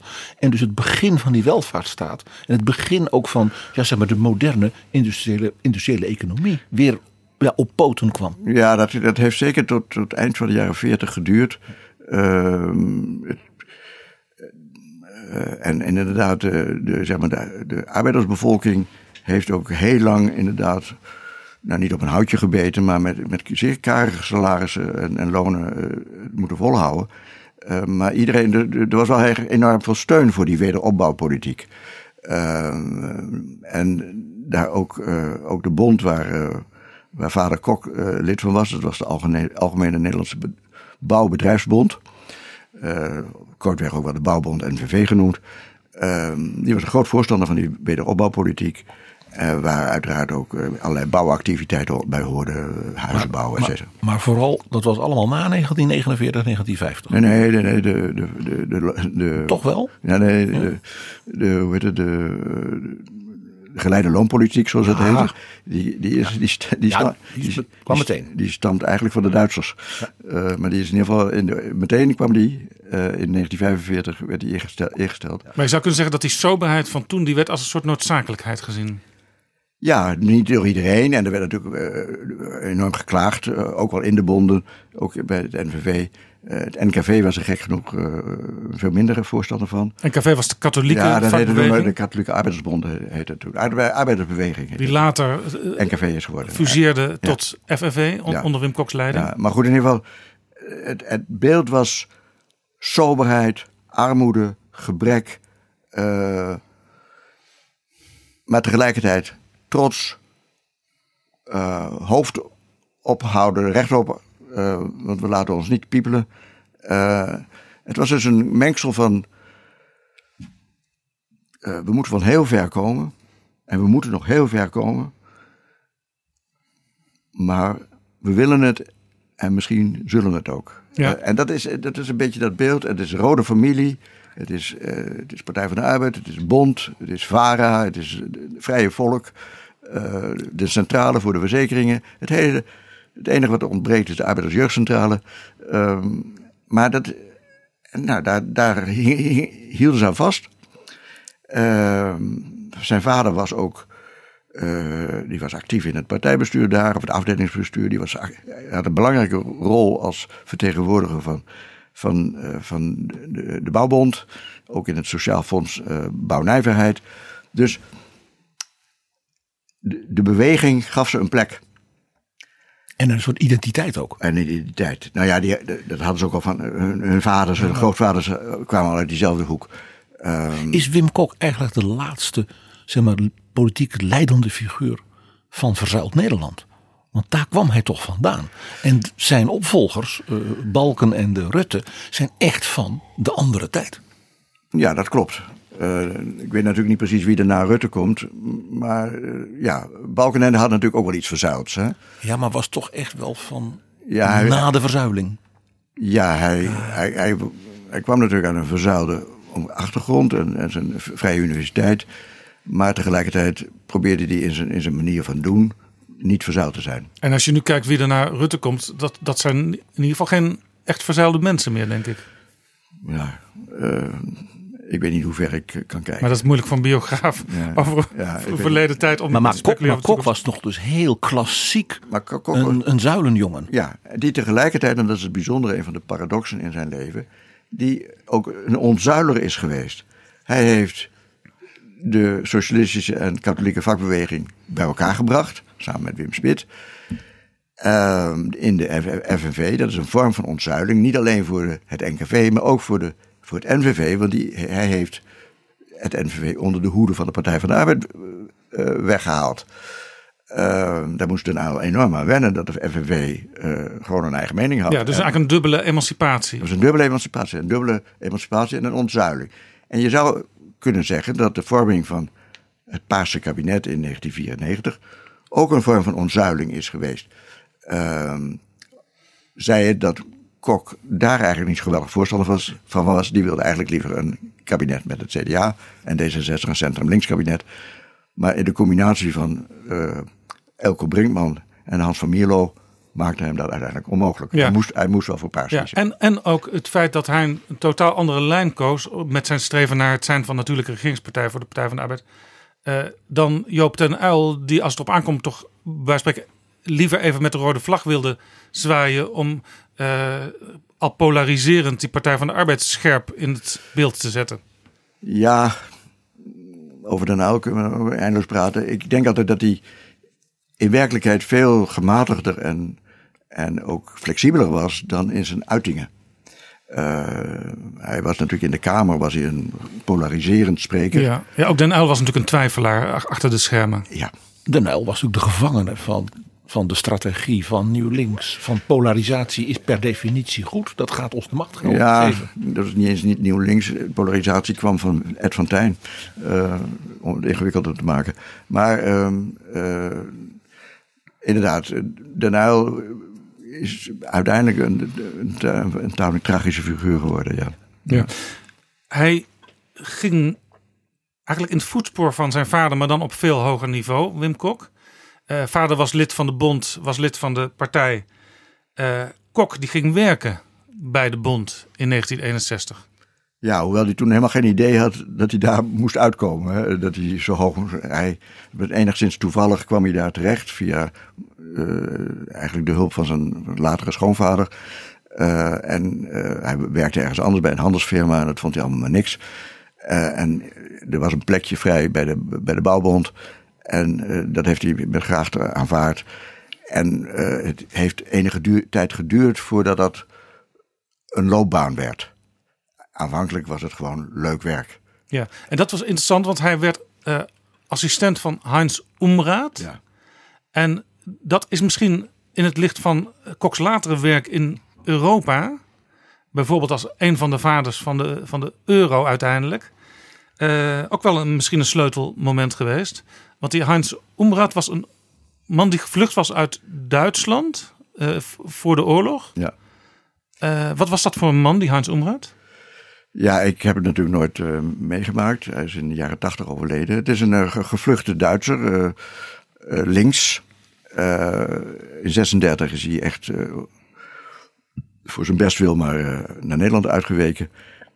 Ook half Joods. Hij kreeg dus ook zeg asiel hier, want dat was niet massaal het geval. Nou, in 36 was men daar nog wat soepeler mee. Ik geloof Ja, dat in 38, toen de, de, golf veel groter werd, toen kregen we meer mensen die zeiden van eh, die mensen horen hier niet thuis. En die werden toen in Westerbork gezet en voor een deel weer teruggestuurd. Ja. Eh, dus, ehm, maar goed, de omraad is. eh, we hebben meer van dat soort interessante Duitsers die naar ons toe zijn gekomen. Ger- Gerhard Ratenau. Eh, Alfred Moser, on- zeer recent een nieuwe biografie die jubelend is beschreven. Ja. Max Beckman. Max Beckman. Ja. Eh, maar er zijn dus een- niet iedereen is gebleven. En eh Ratenau, eh, Ratenau, eh, ehm, Umraat? eh, Umraat is gebleven, net als een paar anderen. Eh, en ehm, eh, ja, was een man die eh, en dat vind je bij al die. Ik, ken, ik heb Mozo nog gekend. Uh, dat waren van die enorm gedreven idealisten. Uh, antinationalist. Voor Europa. Uh, voor de sociale democratie natuurlijk ook. En dat, dat liep voor hen ook gewoon moeiteloos in elkaar over. Terwijl Drees daar natuurlijk heel anders in was. Drees was daar veel voorzichtiger in. Uh, wat gebeurt daar precies? De Nuil eigenlijk ook. De Nuil was ook geen groot Europeaan. Uh, van, van de Stoel ook niet. Van de Stoel ook niet. Uh, nee, nee, dat... wat was de functie van Heinz Umraad? Heinz Umraad was... sorry, ja. Heinz, Heinz Umraad was economisch medewerker van de bond. Was, adviseerde het bestuur, het, bouwbes, het bondsbestuur in zaken van de geleide loonpolitiek, maar ook andere zaken, sociale zekerheid. En, uh, en deed ook nog Europees werk. Want vanaf 57, toen dus de EEG was, was opgericht, hebben de, de bouwbonden van de zes oprichterslanden, en dat waren dus Duitsland, Frankrijk, Italië en de Beneluxlanden, hebben gedacht van ja, wij moeten toch met elkaar praten, want er zijn allerlei grensoverschrijdende kwesties die we dan moeten regelen. En dus is een clubje opgericht in, in Brussel. Uh, een soort coördinatieclubje tussen die bouwbonden. Uh, en dat deed hij uh, als secretaris. Hij vertegenwoordigde de bond en was meteen secretaris. Hij sprak natuurlijk al die talen ongeveer, ja. die, uh, die Oemraad. wat toen heel bijzonder was, want vrij, niemand sprak een andere taal. Ehm, zeker niet bij bouwbonden. En, ehm, en hij had het druk. Dus hij had een assistent nodig. En dat werd Wim Kok. Want Wim Kok had bij Nijrode vier buitenlandse talen geleerd: Engels, Frans, Duits en Spaans. Uh, en kwam uit een goed nest. En werd door zijn, door zijn uh, aanstaande schoonvader, maar dat was toen nog helemaal niet duidelijk, werd, uh, werd toen het, naar voren gedragen. Hij kwam daar te werken. En gaandeweg is hij helemaal ja, verkocht geraakt aan de vakbeweging. Waar die natuurlijk al van huis uit ook alles over meegekregen had. Het interessant uh, wat u zegt. Uh, hij kwam uit een goed nest. Hij was dus uit de zuil. Hij was hè, een ja. vertrouwde jongen. Ja. Maar die Nijrode kant, dat was natuurlijk zeker ook voor zijn generatie iets heel apart. Dat is vreemd. Vier talen en dan in feite een soort economische hogeschool. Ja. Particulier ook nog. Maar hij was ook heel apart. Als, als jongetje, Wim Kok, zat vaak in een hoekje te lezen. Hè? Hij had de hele bibliotheek uh, uitgelezen. Hij mocht bij de schoolmeester thuis ook nog boeken ja. komen lezen. Ja. ja. hij las graag. Hij las veel. Dat deed hij trouwens tot het eind van zijn leven. Um, en uh, het viel me ook altijd op dat hij alles uh, heel goed gelezen had. Uh, bijna letterlijk kon hij het zich nog herinneren. Um, en hij speelde wel buiten, maar het moest ook weer niet te veel worden, want hij wilde wel, wel kunnen lezen. En dat. Uh, hij deed zijn, zijn, zijn, zijn lagere school deed hij prima. Zijn, uh, hij ging naar de MULO, wat een soort MAVO is, ik weet niet precies. Ja, dus VMBO-T heet het tegenwoordig, geloof ik. Nee, dat is, dat is de, de MAVO. De Bestaat die nog? De, ja, zeker. Oh. Ja. en.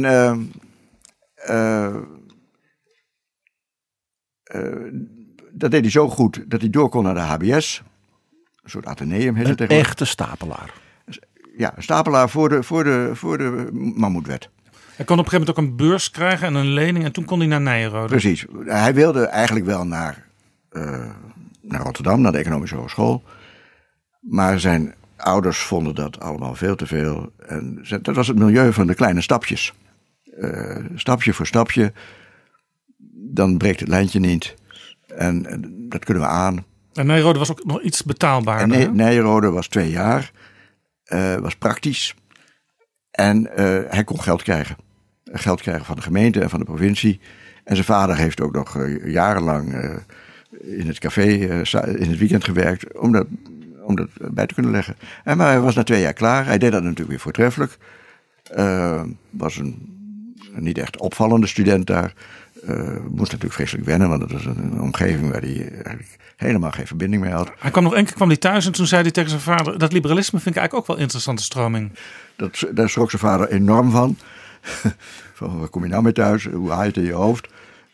Geef je zo'n jongen een studiebeurs, dan gaat hij allemaal rare dingen roepen. Bijvoorbeeld. En uh, het ging hem vooral over het politiek liberalisme trouwens. En niet zozeer het economisch liberalisme. Maar uh, en ik, ja, de vader heeft hem waarschijnlijk nog wat, wat, wat literatuur meegegeven van lees dit nou maar eens goed. En heel snel is hij van die dwaalwe dwaalwegen teruggekeerd en weer in, het, in de moederschoot teruggekomen. Ja, maar toen bij Heinz Umraat als medewerker mocht hij dus ook mee naar Europa. Ja, af en toe. En soms zelfs Umraat vervangen met al zijn talen. Nee, Umraat vervangen, dat kwam pas toen Umraat uh, met pensioen was gegaan in 65. Toen werd hij benoemd in Umraats functie. Maar daar is dus, dus wel... Dus, dus, dus, dus hij was de, zeg maar de opvolger in Europa van Umraat. En ook de opvolger van Umraat in Nederland. Want hij werd ook de economisch adviseur van het bondsbestuur. Want vergeet niet, uh, bonden waren toen helemaal, daar zaten geen academici. Oemraad was een academicus uit, in Duitsland. Kok had in ieder geval hogere, hogere opleiding gevolgd. Academicus gaat wat, wat ver misschien. En de andere medewerkers waren wel wat medewerkers. Het was, ja, sociale academie of iets wat aard. Of, uh, in ieder geval geen, uh, geen echte hogeschool. En dus Oemraad ging weg en Kok beviel goed en kwam in die ja. functie. Ja, in die tijd noemden ze dat dan ook. Uh, je had doorgeleerd en ze hadden iemand nodig die doorgeleerd had. Doorgeleerd, ja, precies. Ja. ja. Maar daar werd dus ook het zaadje zeg maar, voor zijn Europese uh, passie gelegd. Ja, zeker. dat werd nog sterker inderdaad toen hij in 69 het NVV-bestuur kwam en bestuurslid was, toen had hij ook uh, internationaal in zijn, in zijn portefeuille. Uh, dat hield naast ontwikkelingssamenwerking hield dat. Uh, en er was ook nog een internationale vak, vakbondsfederatie. Ja, en je had ook het Europees Sociaal Comité. Waarin je... Ja, nee, precies. Maar goed, je had dus die internationale vakbondsfederatie waar hij ook zich mee moest bemoeien. Je had een, en je had dus uh, hij moest naar Europa toe en je had in Europa, naar, naar Brussel, en je had in Europa het Europees Sociaal Comité, ja. waar uh, wetgeving of dingen die daarop leken, die op Europees niveau moesten worden vastgesteld, werden voorbereid. En dat leek erg op de Sociaal-Economische Raad in Nederland, want het had vertegenwoordigers van vakbonden, vertegenwoordigers van werkgevers en kroonleden. En ja, daar dat, kwam- ja, kroonleden, dat, Ja. noemde, dat heette ze niet, onafhankelijke deskundigen. Ja. En daar kwam hij bijvoorbeeld ook Jan de Koning Ja. tegen, die hij later natuurlijk in de politiek ook nog zou meemaken. Ja. Van het CDA, Jan Ja. de Koning. Klopt. Ze zaten naast elkaar zelfs, omdat het per alfabet ging. Koning, kok. Kok, koning.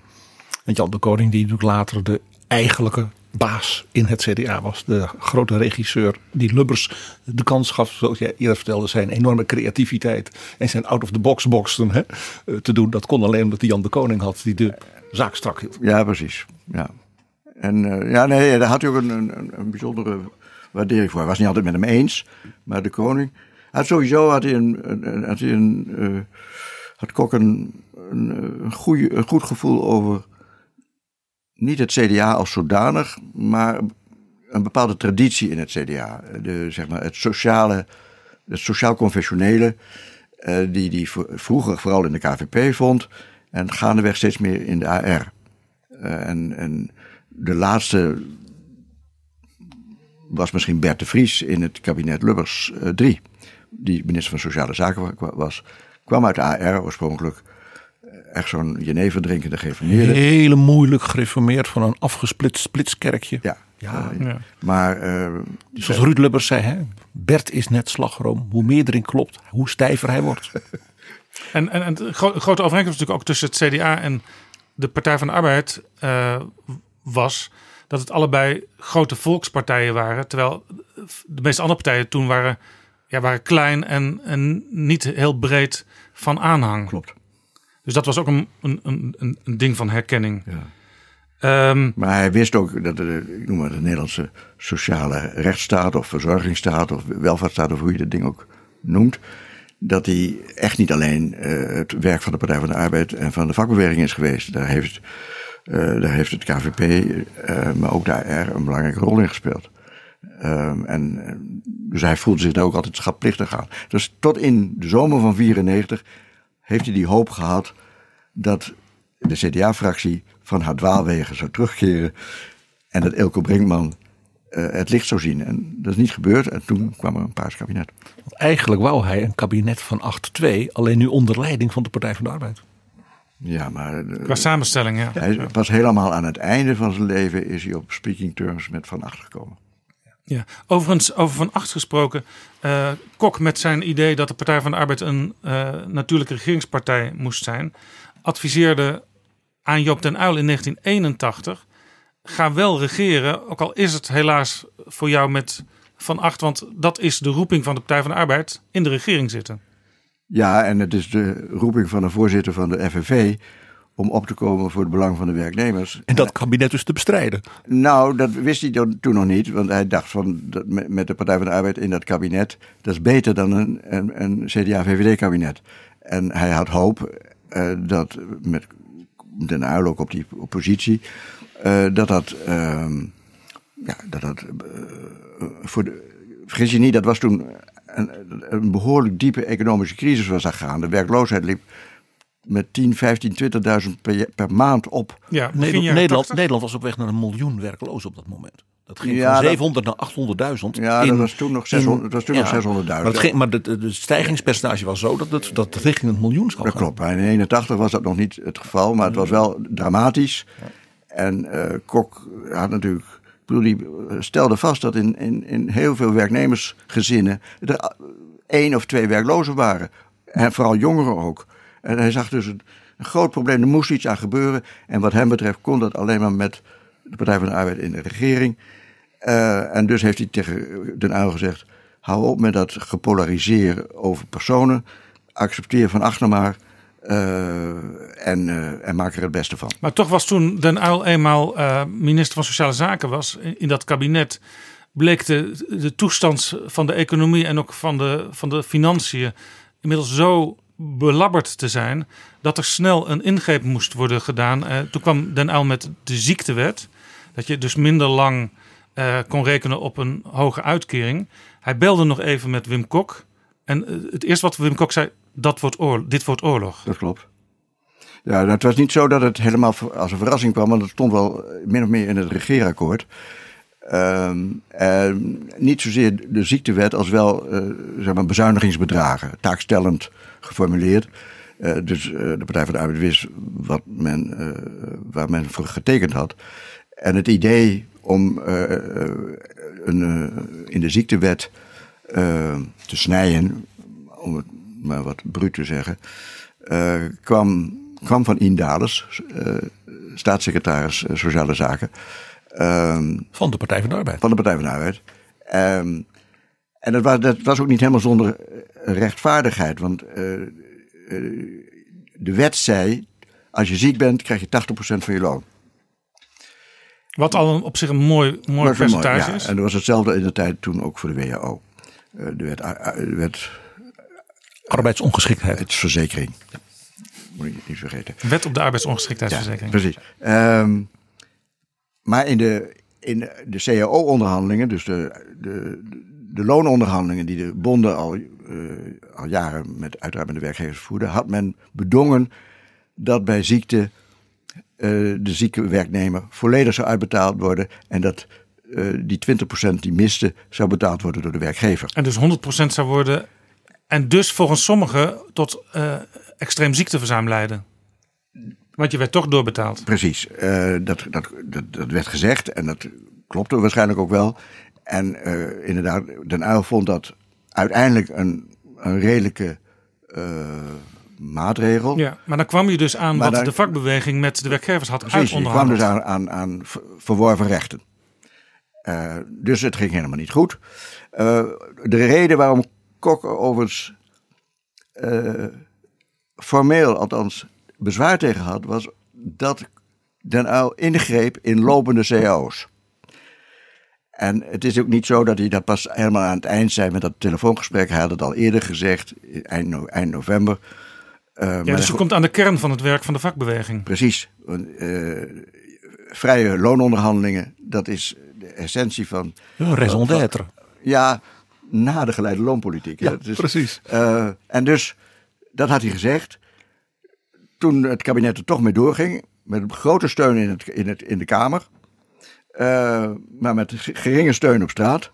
Uh, toen kwam dus de vakbeweging in beweging. Ik denk dat de meeste uh, protesteerders en stakers toen niet dachten aan van ze mogen niet aan, aan onze CEO-onderhandelingen komen. Nee, ze, ze mogen niet aan ons ziektegeld komen. Dus het ging uiteindelijk om. Maar goed, Kok, Kok maakte dat verschil wel degelijk. En hij was ook niet helemaal ongevoelig voor de redenering van het kabinet waar het ging om die ziektewet. Maar niet ingrijpen in een lopende CAO. Ja, daar stonden dus uh, Kok en de partij, met name Den Uyl, uh, lijnrecht tegenover elkaar. Dat kabinet was vrij snel weer uh, verdwenen. Ja. Want de Partij van de Arbeid kon het allemaal niet trekken op dat moment. Nou, het CDA wou het ook niet trekken. Het was, het was, het was een, het, dat huwelijk dat was al slecht begonnen en dat liep vrij snel af. En er waren in maart statenverkiezingen en die ja. leidden tot een collaps Precies. electoraal voor de Partij van de Arbeid. Ja. Dus die partij was volkomen. En Den Uyl, Den Uyl had, was de greep gewoon ook nou, op zijn hij, collega's kwijt. Ja, Den Uyl was de greep op, op, op bijna alles kwijt. Ja. En uh, inderdaad, uh, in mei is dat kabinet toen uh, formeel gesneuveld. Ehm, en toen, toen kregen we nieuwe verkiezingen. Ja, en toen kwam al snel het eerste kabinet Lubbers. Maar ondertussen liep de werkloosheid en vooral de jeugdwerkloosheid, die liep maar op. En met name die jeugdwerkloosheid, daar was Kok, schrijft u in uw biografie, echt radeloos over. Dit, dit, wordt, dit, kun, dit kan ons land niet hebben. Hij kon heel emotioneel zijn, uh, Wim Kok. Uh, achter dat uh, beheerste uiterlijk de, kookte het soms. En dit was een van, de, een van de dingen waar hij echt heel erg door geëmotioneerd werd. Speelt heel Bergambacht? In die niks, emotie? Zou me niks verbazen, dat, ja, dat kan ik me niet. Maar dat, ja, een boel van die dingen grijpen terug op, op eerste ervaringen. Uh, en in ieder geval, uh, uh, hij had. De Industriebond maakte trouwens in die tijd ook een enorme zwaai. Hè, weg van het, het radicalisme en naar het realisme. Want uh, ja, de Nederlandse industrie uh, stond nou niet op instorten, maar er gingen steeds meer fabrieken dicht. Of die verhuisden naar andere landen, goedkope lonenlanden. Ja, dus langzamerhand kwam het besef ook bij de vakbeweging, ook bij Wim Kok, dat werk boven inkomen moet gaan. Ja, dat, dat besef was al langer hoor. Er is ook een bijna akkoord gesloten eind 79. dat heet dus bijna, er was een akkoord overeengekomen tussen Kok en Van Veen, de werkgeversvoorzitter. Voor, uh, wat nog veel voorzichtiger dan later het geval was, sprak over de uitruil tussen winst en werk. Uh, en dat is gestruikeld omdat er uh, Kok in de FNV-federatieraad drie, vier grote bonden niet meekreeg. Of in ieder geval belangrijke bonden niet meekreeg. En hij dacht van ja, dat, ik, ik kan niet uh, ik moet wel de gelederen gesloten houden. Ja, en in zekere zin was dat, het, het, was dat een soort voorfase. Van het akkoord van Wassenaar. Van het akkoord van Wassenaar, wat in 1982 gesloten werd. Ja. Dat was, vind ik, een heel interessant moment in de Nederlandse sociale en politieke geschiedenis. Want uh, daar ging Wim Kok als leider van de vakbeweging. En Chris van Veen als leider van toen het Verbond van Nederlandse Onderneming, VNO toen. Die gingen eigenlijk in het huis van Chris van Veen bij elkaar zitten van het gaat zo erg mis met Nederland. We hebben er allebei belang bij dat er meer stabiliteit komt. Eh, we moeten iets doen. En Kok had waarschijnlijk nog dat bijna akkoord van 79 in zijn hoofd zitten. En eigenlijk mede op basis van dat verhaal van 79 hebben ze toen samen besloten: uh, wij gaan een akkoord sluiten. En dan moeten natuurlijk uiteindelijk onze achterbannen in meedoen. En dat akkoord is uiteindelijk heel cruciaal gebleken ook voor uh, bijvoorbeeld dat kabinet Lubbers, wat die sociale rust wel nodig had. Ja, uh, het is een. Uh, op dat moment was misschien nog niet helemaal duidelijk hoe belangrijk dat akkoord was. Maar gaandeweg is het belang daarvan alleen maar toegenomen en het besef van het belang ook alleen maar toegenomen. een akkoord zo, waar het kabinet zo, dus niet bij was? Want heel veel nee, mensen denken altijd dat het was nee, iets van het kabinet. Ja, dat was het niet. En Lubbers deed ook wel een beetje wekte, wekte graag de indruk dat hij eigenlijk de vader van het uh, akkoord was. Dat is niet het geval. Uh, zei dat de dreiging van een loonmaatregel in dat nieuwe kabinet. Uh, zeker Kok, maar eigenlijk ook Van Veen. Het gevoel gaf van dit moeten we niet accepteren. Ja, een loonmaatregel betekent dat de overheid stelt vast, ehm, de, alles blijft zoals het is. Of, of sterker nog, eh, het moet 1, 2, 3 procent omlaag. Zoiets, ja. En dan heb je dus als vakbeweging helemaal niks meer in te In brengen. dit geval ging het om 2% eh, omlaag. Eh, en nou, in, die, in die situatie zijn Kok en Van Veen tot elkaar gekomen. Het was een, sowieso een verhouding die gaandeweg beter werd en vertrouwelijker werd. Ehm, ze, waren, ze- ze waren ook meer soulmates dan gewoon was in die situatie. Want een boel werkgevers die vonden die vakbeweging maar lastig. En als, als die een kopje kleiner gemaakt kon worden, dan was dat een, kwam hun dat prima uit. Een loonmaatregel was over het algemeen natuurlijk gunstig voor werkgevers en ongunstig. Ja, want heb je als werkgever weer even adem. Ja, je geeft adem, je, je hoeft minder te betalen. Je hoeft, eh, Minder lastige onderhandelingen. Ja, Want de baas in Den Haag heeft het gewoon opgelegd. precies. Ehm, en, maar Van Veen vond dat niks.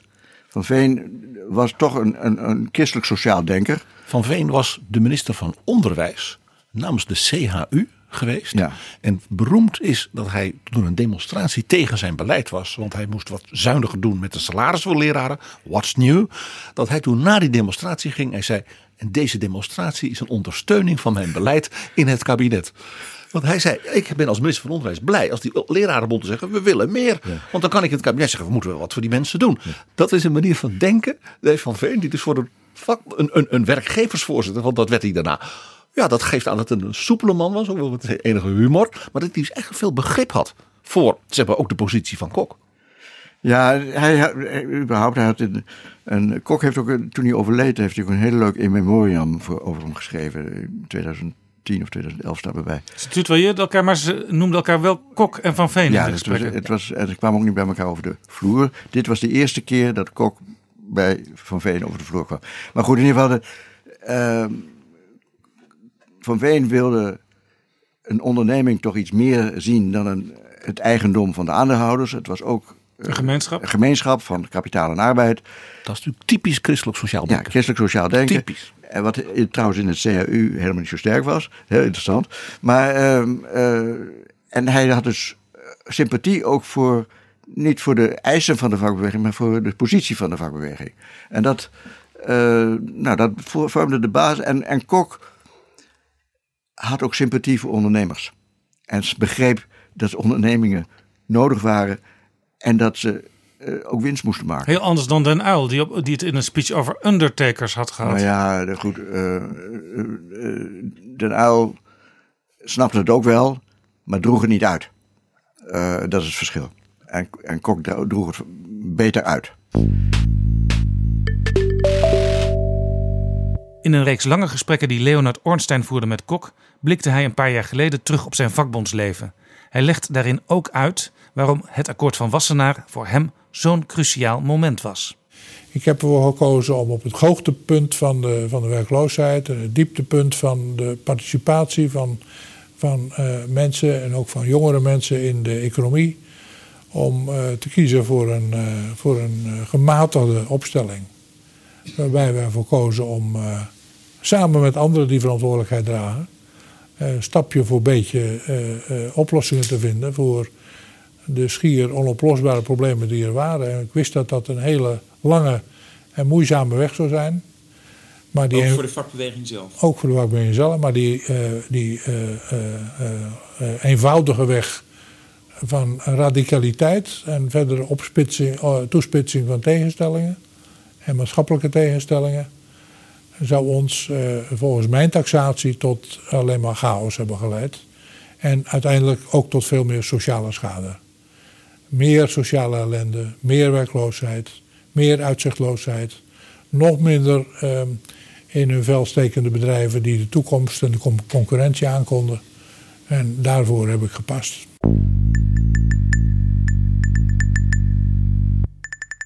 Kok over het akkoord van Wassenaar in de Wim Kok tapes van Leonard Ornstein te vinden op de website van het IISG in Amsterdam. Marnix Krop. Eerst ging dat groot, met 40 man, eh, grote vergaderingen in, bij, de, bij, de, bij de Stichting van de Arbeid waarschijnlijk. Ehm, en ehm, eh, daar kwamen ze niet zo goed uit. En toen zijn ze op donderdagmiddag, aan het eind van de middag, naar Wassenaar gegaan. Het huis van, eh, van, van Veen in de Pieter Twentlaan. Dat is helemaal niet zo'n groot huis, leuk huis. Ja, want u woont ook in Wassenaar, hè? Ik woon ook helemaal, ik woon nog 200, 300 meter vandaan ongeveer. Eh, U zit eind- bijna op het akkoord. ik zit bijna op het akkoord, ja. Ik had gehoopt nog met hem, met Kok ook naar dat huis te kunnen gaan.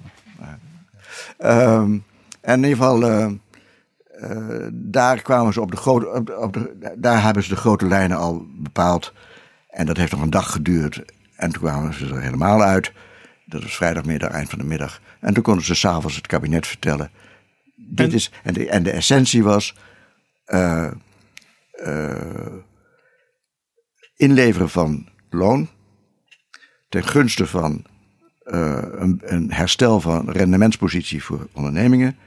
Dat was zeg maar de ruil van de vakbeweging. En de ruil van de werkgevers was werken aan herverdeling van arbeid.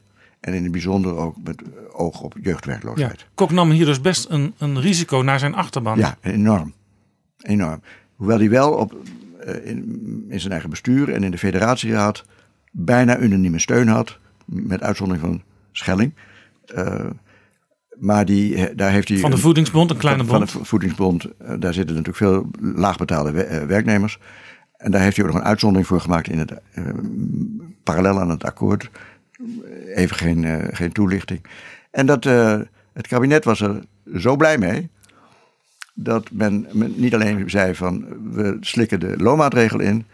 Maar Lubbers heeft het akkoord van Wassenaar letterlijk overgenomen in de regeringsverklaring eh, over, het kabinets, eh, over het kabinetsbeleid op die maandag van de, 24, de 22 november was dat, 1982. Dus het begin van het kabinet Lubbers begint voor een deel met het akkoord van Wassenaar. Dat is heel bijzonder. Het interessante is dat dus de minister van Sociale Zaken, die die loonmaatregel zeg maar, daarmee dreigde, dat was natuurlijk diezelfde Jan de Koning. Dat was Jan de Koning, ja. En zowel Chris van Veen als Wim Kok kenden hem en die wisten als Jan zei dat ga ik doen, dan gebeurde dat.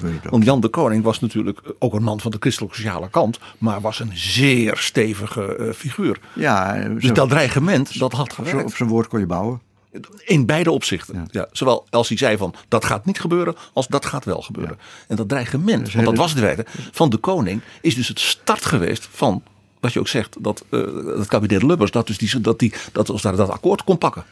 Nou, het dreigement zat eerder in de, in de, in de onderhandelingen over het eh, regeerakkoord. Uiteraard. Waarbij de informateur Willem Scholten Kok al had geïnformeerd van het gaat die kant op.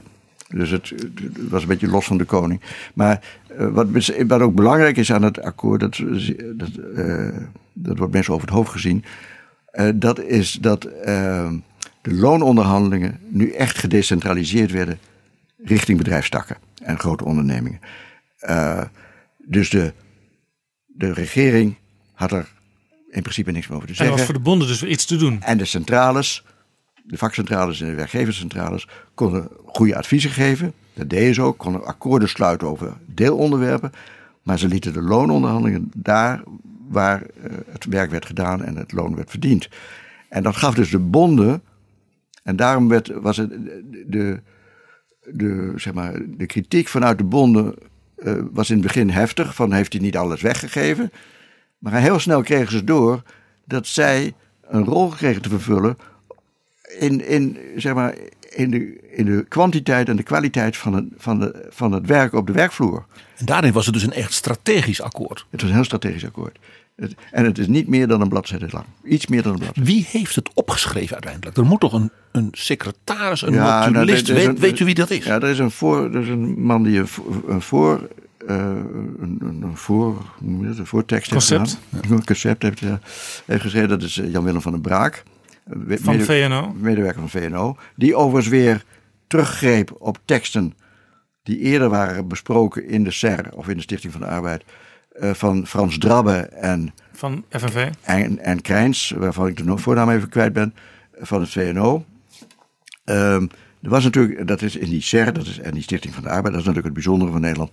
Ze, ze praten voortdurend met elkaar, ze komen me- me- elkaar tegen. Ze kunnen enorm boos op elkaar zijn, maar ze kennen elkaar wel. En ze weten elkaar te vinden. En eh, dus die Jan-Willem van der Braak, die de opdracht kreeg van, eh, van zijn eh, toenmalige baas Dorland. die weer de instructie kreeg van Chris van Veen en Wim Kok. Van dit en dit moet er ongeveer in. Die ging dus een hele nacht schrijven. En toen lag er een, een tekst waar nog twee keer plenair over vergaderd is. Een hele dag lang. Maar het was voldoende om... eh, en ik denk dat de uiteindelijke tekst door Drabbe en Dorland samen met Van Veen en, en Kok in, in Wassenaar is geschreven. Maar dat weet ik niet. Ja, heel Maar- belangrijk moment. Ik wil dit even markeren voor als we straks aan het eind van het gesprek eh, conclusies eh, trekken. Toch een jaar later was Kok alweer woedend op Lubbers toen er maatregelen tegen in de sfeer van ambtenarensalarissen eh, werden genomen. Ja, nou die woede betrof vooral de uitkeringen. Eh, de, Ja, want de, de- in Nederland waren de uitkeringen aan de ambtenarensalarissen gekoppeld. precies. Dus als daar iets in die salarissen veranderde, veranderde er ook ten, meestal ten positieve iets Ja, in de Het was uitkeringen. een forse ingreep. Min 3 procent. Plus de prijscompensatie. Exact. Het was 7 of 8 plus 3, dus min, min- ruim min 10 procent. Eh, En bij de onderwijsbonden ging er nog 1,65 procent dankzij de Tweede Kamer er extra bovenop. Kijk eens aan. En, en, en in, in de media hoorde je toen een kok die je niet heel vaak op die manier hoorde. Die riep dat Lubbers een dictator was. Ja, Kok eh, wilde een, een, een soort van solidariteit organiseren binnen de vakbeweging tussen werkenden en uitkeringstrekkers. Daar was ook ruimte voor, want de, eh, de, de voorgestelde kortingen van het kabinet leverden, gek genoeg, ook weer wat extra financiële ruimte op voor, eh, voor de werknemers. Eh, en zijn voorstel was: van, als we nou eh, als werkenden een deel doorschuiven naar de, werk, de uitkeringstrekkers, dan kan die korting van min 3 op hen wegblijven. En dat stelde hij voor in een overleg met het kabinet op 18 november eh, 1983. Ja, een redelijk voorstel. Een, redelijk voorstel, maar waarschijnlijk niet goed doordacht. In de zin, en ook niet goed voorbereid. Als hij, eh, hij had dus de vakbeweging had hij helemaal achter zich. Alle bonden had hij achter zich. Maar het was allemaal last minute werk. Als hij een dag van tevoren gebeld had met Lubbers en met de koning. Van dit ga ik voorstellen. En dit is toch allemaal heel redelijk, want het is budgetneutraal voor jullie. Het maakt voor de overheid helemaal niets uit. Het is een interne verschuiving op solidariteitsgronden. En dat eh, had hij niet gedaan. Dus het kwam in de vergadering. Eh, Lubbers was er eventueel nog wel voor te porren, want dit is een, eh, een bewegelijk man. Eh, maar Ruding en de minister van Financiën en eh, de koning, de minister van Sociale Zaken, om geheel eigen redenen, eh, waren er tegen. Dus ging het niet door. En omdat Lubbers dat moest uitdragen, deze kabinetspositie, was hij de dictator. Hoewel Kok ook wel gezien had dat Lubbers een beetje bewoog. Ja. Maar ja, maar ja. ze hadden allebei hun rol. Ja. Hij was een dictator en hij maakte de vakbeweging onmogelijk om solidariteit te, eh, te tonen jegens de, uitkeringsgerechtigden. En daar was, hij echt, daar was hij inderdaad ook meer dan functioneel boos. Hij was echt boos. beroemde verhaal dat een maand later Ruud Lubbers op bezoek in Downing Street 10 bij mevrouw Thatcher was en een presentatie deed van het beleid van zijn kabinet. En daar zaten ook al haar ambtenaren bij. En waarop ze zei: Ruud, ga jij de salaris van jouw ambtenaren, ze keek naar die heer allemaal, met 3% verlagen? En ze zei ja, en toen heeft hij dus dit uitgelegd. En ze zei: You are going to ruin my reputation as the Iron Lady. Nou, hij heette dus eh, eh, vrij snel Rude Shock. Dat, Eh, dat kwam daarvan. ja, ja. Ja. Ja. Time, Time Magazine heeft dus na dat gesprek bij, bij, bij Thatcher. Dat is dus als daar via Time Magazine geloof ik, is dat naar buiten Ja, gekomen. in- in- en, to- en toen was dus de naam Ruud Shock. In januari, ja. Dit is Betrouwbare Bronnen, een podcast met betrouwbare bronnen. Op een gegeven moment ging spelen eh, dat Kok misschien wel naar de Partij van de Arbeid zou overstappen. U schrijft in de biografie dat Den Uyl zelf al halverwege de jaren 70 steeds meer onder de indruk van Wim Kok kwam. Er is ook meerdere malen in het begin van de jaren 80 al sprake van geweest van Wim Kok stapt over naar de politiek. Maar het was ook zo dat zowel Den Uyl als Kok een beetje om elkaar heen bleven dansen. Den Uyl wilde eigenlijk niet weg. Kok wilde misschien wel, maar hij had ook nog verplichtingen aan die vakbeweging. Er werd eigenlijk nooit echt besluiten genomen. U vat het prima samen. Dat klopt. Laten we even luisteren naar Joop den Uyl als in 1986 het moment van de overstap van Kok naar de politiek dan echt daar is. En dan Kok, die in een aflevering van Andere Tijden terugblikte. Ik spreek vandaag ook uit dat ik mij bemoedigd voel in de strijd waarin ik u heb voort te gaan door de beschikbaarheid van Wim Kok voor het Kamerlidmaatschap. Meneer Kok, volgens uh, Ed van Tijn, Max van den Berg en Felix Rottenberg zag Den Uyl u al sinds de jaren 70 als de gedroomde opvolger. Wist u dat? Uh, als zij dat zeggen, dan hebben ze daar zeker uh, redenen voor. Uh, er is uh, in al die jaren ehm, in de kringen van de Partij van de Arbeid waarschijnlijk meer over mij gesproken dan ik vaak wist. En dat betekent dat in heel veel van de stratego-spelletjes die zijn gespeeld, zijn de filosofieën die hebben plaatsgevonden waarbij mijn naam uh, misschien ook wel eens onnodig over de tafel ging. Uh, veel over me is gezegd, maar uh, dat is vaak in slechts beperkte mate met mij gecommuniceerd. Maar er waren, waren natuurlijk een hele serie voortreffelijke PvdA-politici die natuurlijk een soort natuurlijke opvolger van Den Uyl hadden kunnen zijn. Veel meer dan Kok, een man uit de vakbeweging. En bijvoorbeeld Jos van Kemenade, daarvan was algemeen bekend dat als het aan de anderen in het kabinet van 8-2 ministers had gelegen, dat hij het had overgenomen, al in 82. Nee, nee, nee. Eh, die andere ministers op, eh, op hem zelf na, want hij was voor Kok, uh, waren voor André van der Lauw. De burgemeester van Rotterdam. Die minister was. Die geworden. vervolgens minister was geweest in dat kabinet. Ja, die werd door Den Uyl niet helemaal vertrouwd. Maar vertrouwen is misschien niet helemaal het juiste woord. Ik, hij vond hem geloof ik wat te licht. Zeker in, in economisch opzicht. Voor, voor Den Uyl moest een, een, leider van de Partij van de Arbeid economisch inzicht hebben. Ja, Kok was trouwens geen econoom, hè? Maar... Hij, was, maar hij had voldoende ervaring, zowel eh, qua opleiding, maar ook in die vakbeweging, dat hij een heel eind meekwam. Ja, dus, dus, dus van Kemenade had het nog wel kunnen worden, want die had ook veel economisch inzicht. Zeker, zeker. Ja, maar dat was toch meer een socioloog. Hè? Uh, ja, is ook wel eens het beeld geweest dat, dat langzamerhand al die kroonprinsen uh, ja, uit, uit de wagen vielen. En uiteindelijk alleen nog maar Kok uh, zijn ze ondanks overbleven. Ja. Ben Uyl was een beetje zoals die, die, die, die man in die, in die, die hoe heet dat, daar in Rusland. Trojka hier, trojka, trojka daar. hier, trojka daar. En alweer werd er weer een kroonprins eh, gedumpt. En op, op laatst moment was er niemand meer over. heeft er ook een boek over geschreven, Kroonprinsenleed. Ja, kijk, ik, ik, ik, ik ken het. Um, nou, het is een, een van de hoofdstukken die ik met groot plezier heb geschreven. Want het is inderdaad een, ja, zo'n tragicomedie. of een komische tragedie. Um, en een verhaal van, van, van, van, een opeenstapeling van misvattingen en, en, en, verkeerd begrepen bedoelingen. Um, en, uh, maar dit komt er in essentie op neer dat inderdaad Kok al heel snel in de peiling was van, van, van Den Uyl. Dat Den Uyl uh, uh, moeite had om zichzelf in die Partij van de Arbeid overeind te houden. Um, en dat onder andere deed door iedereen een beetje op afstand te houden en voor zo ver mogelijk iedereen ook een beetje tegen elkaar uit te spelen. Um, en dat uh, deed hij heel, heel knap. Bovendien inderdaad, hij wilde helemaal niet weg. Het tweede kabinet nou, dat moest er nog komen.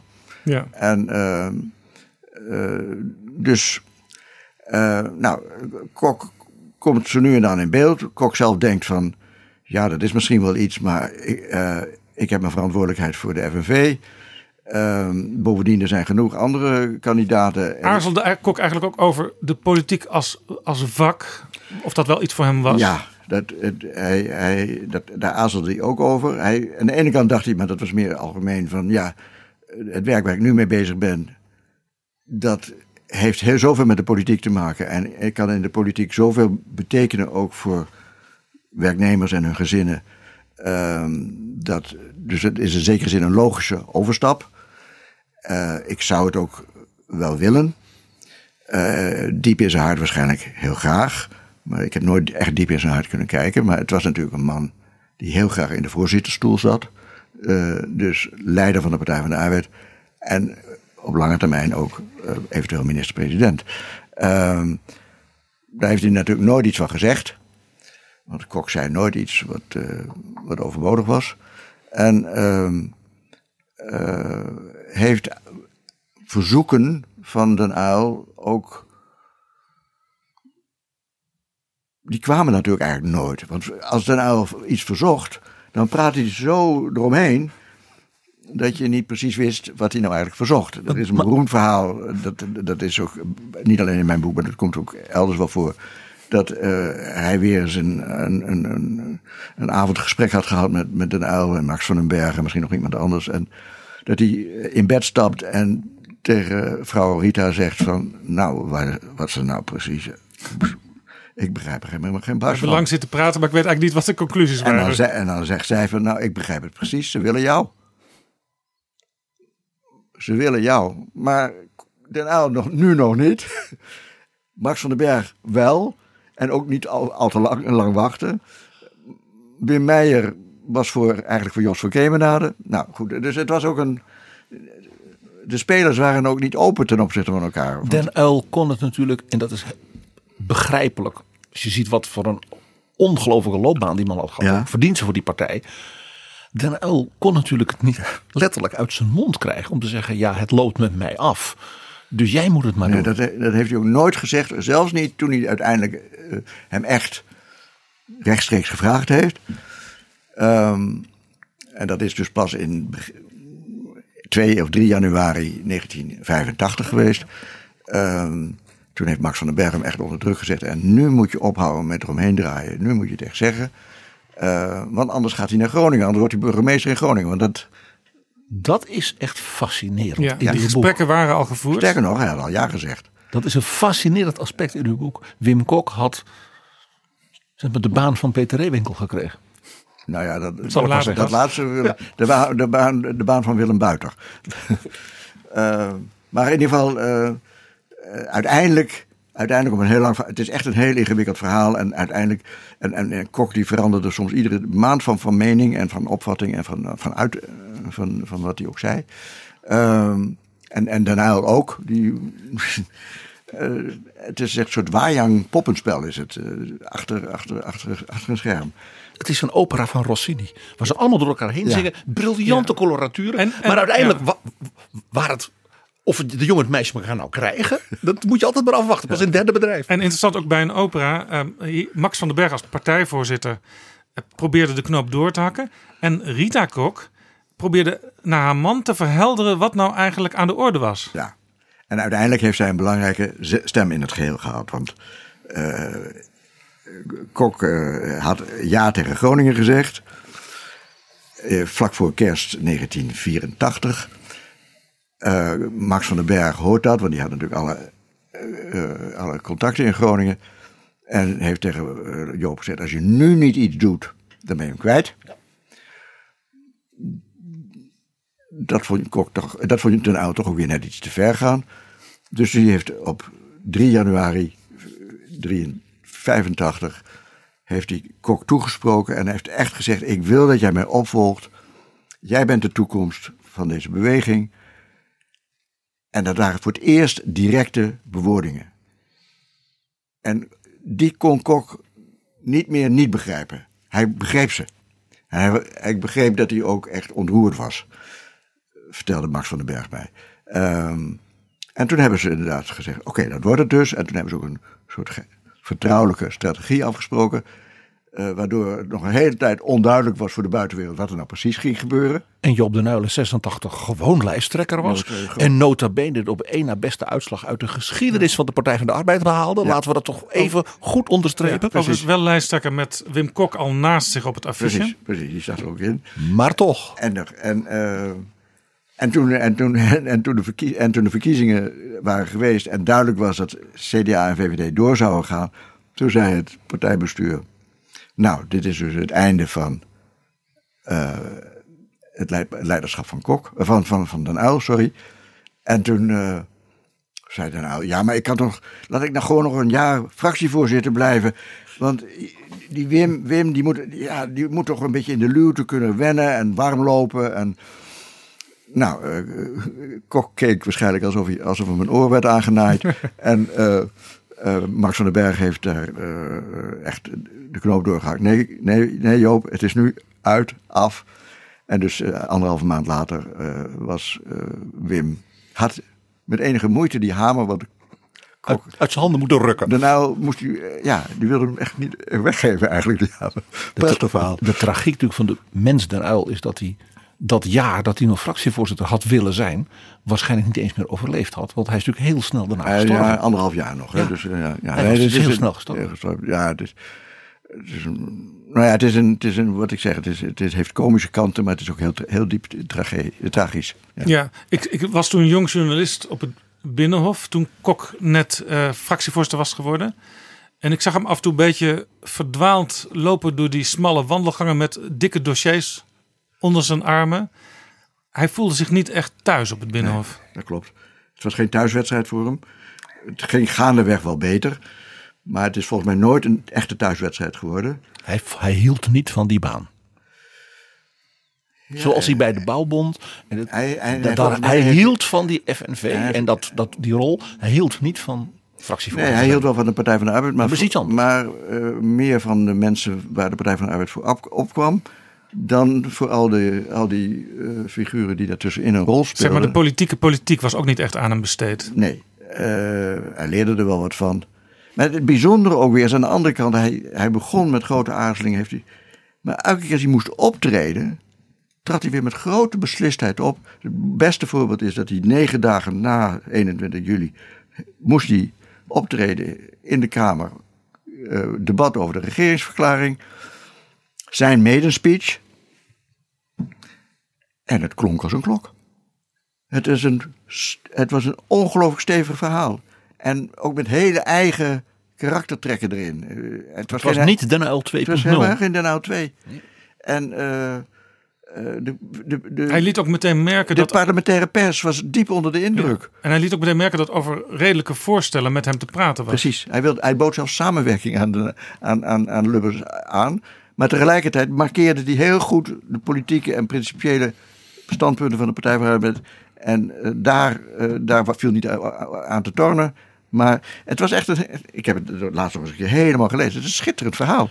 En hij, en, en, hij, hij is er politicus van het jaar mee geworden. En het is, ik ga even iets heel bijzonders onderstrepen. De man had dus nog nooit als parlementariër of iets dergelijks in een zaal zo gesproken. De grote intellectueel, de alom bewonderde Frits Bolkestein, toen die voor het eerst als fractieleider ja, moest optreden, ging hij af. Ja. Ja. Ruud Lubbers die haakte zijn pootje even verbaal en hij ging de mist in. maar dat is bijzonder, Niet Wim Kok. Dat is bijzonder van Wim Kok en dat heeft ook met die jeugd te maken. Een kok gaat niet af. Een kok geeft niet op. Een kok zet door. Het is, eh, het is uh, ontzettend. Ja, met al die aarzelingen die door zijn hoofd gaan. Uh, niks van laten merken. rugrechten. Rugrechten. En. hij, had, hij had misschien ook. ook een, dat is een mooi ander verhaal. Ehm, hij was eens een keer in gesprek met, ik meen, andere premiers. Dus Van Acht, Lubbers, Balken, de Jong. Balkenende, De Jong. Uh, rond 2010. Ze zaten geloof ik in een tuin onder een, onder, onder een parasol. En eh, ze kregen op een gegeven moment over wat hun grootouders hadden gedaan. Nou, de ene grootvader was uh, advocaat en de tweede was industrieel en de derde was uh, nog iets anders moois. En toen kwam Wim. Nou, zijn ene grootvader was touwslager en de andere was rietsnijder. Twee beroepen die niet meer bestaan. Die niet meer bestaan. En hij en hij zei het, typisch zoals je enigszins bedeesd, maar tegelijk van, ik zal jullie wel krijgen. Uh, het is, uh, jullie, jullie kunnen niet over mij heen. Ja. Dus dat is uh, in zekere zin de kern van, van de psychologie van. Hij zei ook, Hoewel ik, als, als ik natuurlijk niks van psychologie weet, maar volgens mij is dat hoe die echt in elkaar zat. De echte volksverheffing. In zekering was hij de wandelende volksverheffing. Hij zei ook ooit, toen er uh, een beetje badinerend gesproken werd over de invoering van het kwartje van Kok. Wat, waar toen de belasting ja, ja. verhoogd werd voor, voor autorijders. Dat is mooi, het kwartje van Kok, als je voor een dubbeltje geboren bent. Ja, Nou, u citeert, u citeert mij goed. In die tijd was ook al een beetje duidelijk, misschien had Kok dat gevoel zelf toen ook al, dat het tussen eh, de, het CDA van Lubbers en de VVD niet helemaal meer soepel liep. Dat kabinet viel ook vroegtijdig. En toen maakte Lubbers de draai naar Kok, naar de Partij van de Arbeid. Hij werd toen vicepremier en minister van Financiën, we hadden het er al over. Toen kwam er op een bepaald moment een enorme crisis voor Kok en de Partij van de Arbeid. De crisis over de WHO. Ja. Eh, ja, we kunnen het uitleggen, maar ik denk dat de luisteraar het wel, wel begrijpt. Eh, er moest ingegrepen worden in die arbeidsongeschiktheidsverzekering. Dat ging natuurlijk rechtstreeks tegen de belangen van veel mensen uit de achterban, ook van de Partij van de Arbeid, in. Eh, in uw boek heeft u daar een hele mooie beschrijving. En ik wil eigenlijk vragen daar een stukje van voor te lezen. Want op een bepaald moment zit Kok thuis, helemaal in zak en as. Pagina 319. Ik heb het hier aangestreept, maar is wel, het zijn wel kleine lettertjes, twee alinea's. Dus misschien moet u het uit het boek zelf lezen, maar... We zijn dan dus in zeg maar, de zomer van 1991. Hè? En, En- de, en ik- dus, dus, dus, ja. dus door, door eh, de, de, de val van de muur. eh, eh, laat ik zeggen, is in Europa natuurlijk alles in beweging. En de economie kreeg in Nederland toen wat onverwacht een forse tik. En ik vraag u om het voor te lezen, omdat het ook een mooi beeld geeft van hoe het boek geschreven is. Ja, dat doe ik graag. Ehm, op vrijdag 30 augustus, s morgens vroeg, vond Rita haar man aan het tafeltje in de keuken. Ter neergedrukt, uit het lood geslagen, vechtend tegen zijn tranen. Hij wilde hem ermee ophouden, de handdoek in de ring gooien. Hij kon het niet langer. Had hij nog voldoende steun in de partij om door te gaan? Deze streuze cijfers over het vertrouwen in hem zeiden hem van niet. Hij twijfelde zelfs of hij wel naar Den Haag zou gaan. Hij had immers kabinetszitting. Rita adviseerde haar klein geworden grote man toch maar toch naar zijn werk te gaan. Ja, ja, dat moest ook eigenlijk wel. Met de klaarstaande dienstauto dan maar de snelweg op naar Den Haag.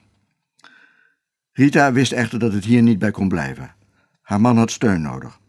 Zij vroeg dochter, dochter Carla snel te komen en samen belden zij vervolgens Jacques Wallage, staatssecretaris, die op weg was naar zijn ministerie in Zoetermeer.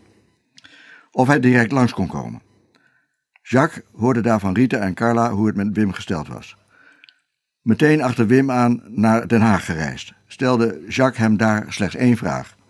Vind je de WHO-maatregelen maatregelen nodig? Zijn ze onvermijdelijk? Toen Wim daarop ja zei, kantelde zijn stemming enigszins. Ja, dit is echt mooi, heel mooi geschreven. En ik heb het boek ook met heel veel plezier gelezen. Dat was natuurlijk. Hij was aan het regeren. Hij was vicepremier, minister van Financiën. Die ingreep, die, dat, was toen besloten in het kabinet. De vakbeweging en ook grote delen van de Partij van de Arbeid kwamen in opstand.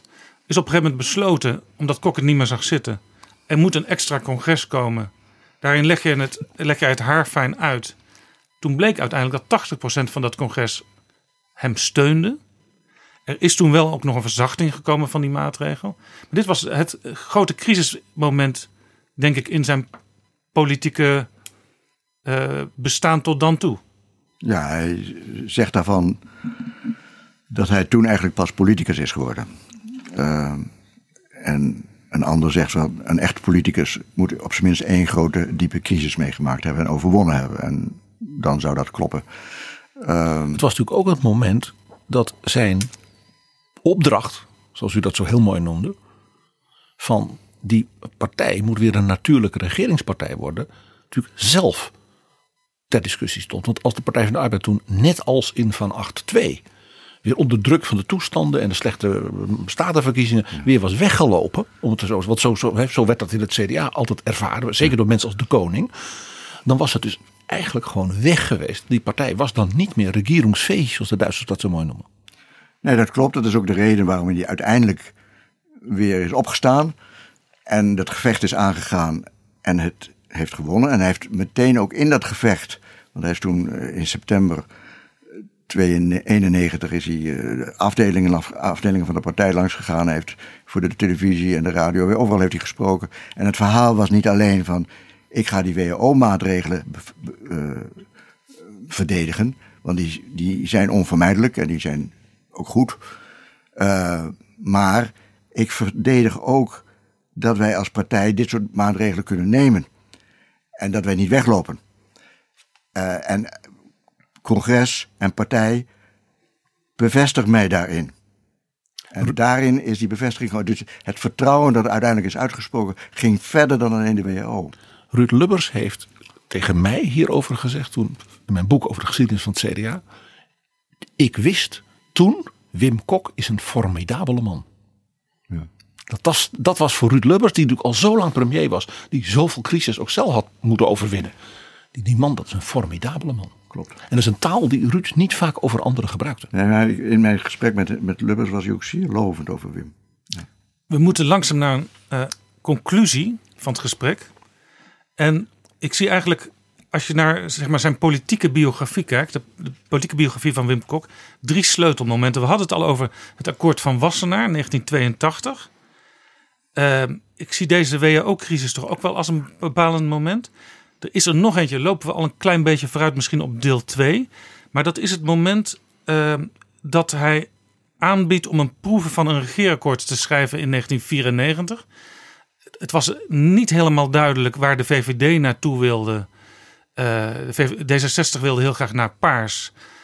Uh, maar ook het CDA was nog een klein beetje in het spel. Kok die zou een proeven van een regeerakkoord gaan schrijven. Dat werd uiteindelijk de basis voor zijn premierschap drie sleutelmomenten.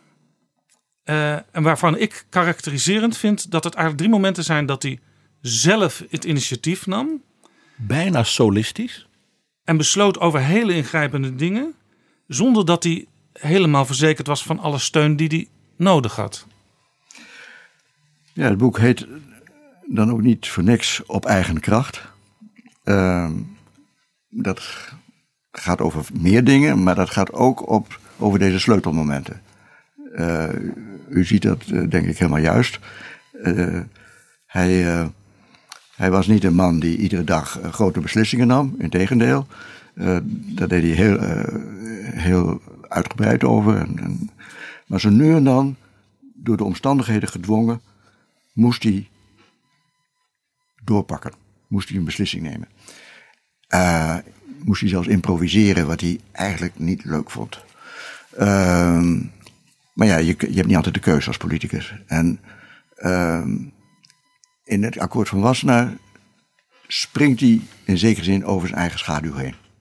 Het zat er al aan, aan te komen. De omstandigheden dwongen hem ook toe. Maar dat wil niet zeggen dat hij het ook had kunnen doen. Hij heeft het gedaan. Of dat een ander het had kunnen doen. Niemand had het kunnen doen. Uh, de WHO het probleem zag hij al tien jaar lang aankomen. Hij heeft nooit over zijn schaduw, eh, schaduw, heen kunnen springen. Uh, ik ben ook heel kritisch over in, in dat hoofdstuk over de WHO. Uh, als hij heel veel eerder had ingegrepen, was het probleem veel minder groot geworden. er waren allerlei goede redenen waarom hij het niet deed. Persoonlijke, politieke, psychologisch misschien ook wel. Uiteindelijk moest hij als minister van Financiën optreden. De geldnood dwong hem tot een standpunt. Het, het besluit van, over de WO was geen helder en goed besluit. Het CDA was ook helemaal verbaasd dat de Partij van de Arbeid daarmee kwam. Uh, er is ook op teruggekrabbeld. Niettemin had hij daar een enorme vertrouwenscrisis mee uitgelokt. En dat is ook het stukje wat ik net heb voorgeschreven, dat hij merkte van, ik trekken niet meer. En toen is hij door zijn vrouw, collega's, gezegd van ja, maar je kunt toch niet zomaar weglopen. Ga voor je zaak staan. Onmiddellijk pakt hij dat op. Ik ga voor mijn zaak staan. Ik ga dat congres, dat is toen vastgelegd. Dat gaat, over een maand gaan we dat houden. En hij won met vlag en wimpel. Zei dat hij een boel kiezers en partijleden wel kwijt is geraakt. Het derde voorbeeld van is eigenlijk ook heel briljant. Dat is uh, in, die, in die formatie, die kabinetsformatie. 1994. 1994 zijn vier partijen die een rol spelen. Partij van de Arbeid was de grootste, CDA iets kleiner, VVD weer iets kleiner, D66 weer iets kleiner. Ehm, ze wilden geen van allen hetzelfde. Eh, het was weer een beetje een soort wajangpoppenspel. eh waarbij de, de, het staatshoofd, de koningin, eh, af en toe moeilijke keuze, voor moeilijke keuze stond. Ehm, er was over paars onderhandeld. Dat was mislukt. Dat was mislukt. Dat is iedereen vergeten. Bolkestein de Paarse had- coalitie was mislukt. Bolkestein had eh, de handdoek in de ring gegooid. Eh, er was een informatie Cenk Willink geweest. En Cenk Willink zegt van nou, eh, VVD heeft gebroken. Die moeten dan ook maar eh, het probleem oplossen. Ja, Cenk Willing met, een, met een, toch meestal een hele goede politieke antenne. Ja, en Die dacht er nu anders over dan Kok zelf. En met een PvdA-achtergrond. Niettemin, maar hij zat er natuurlijk als, als gezant van de koningin.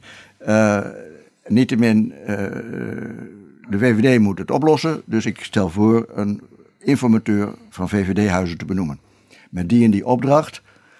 Namelijk ook om, een, om zo'n proeven van een regeerakkoord te schrijven. Arend Hilhorst, de assistent van Wim Kok, die belde Felix Rodius, de directeur van het kabinet Ja. van de koningin, met eh, de tekst dat eh, Kok dit wilde gaan voorstellen. En toen zei Rodius, dat zal de majesteit een interessante invalshoek vinden.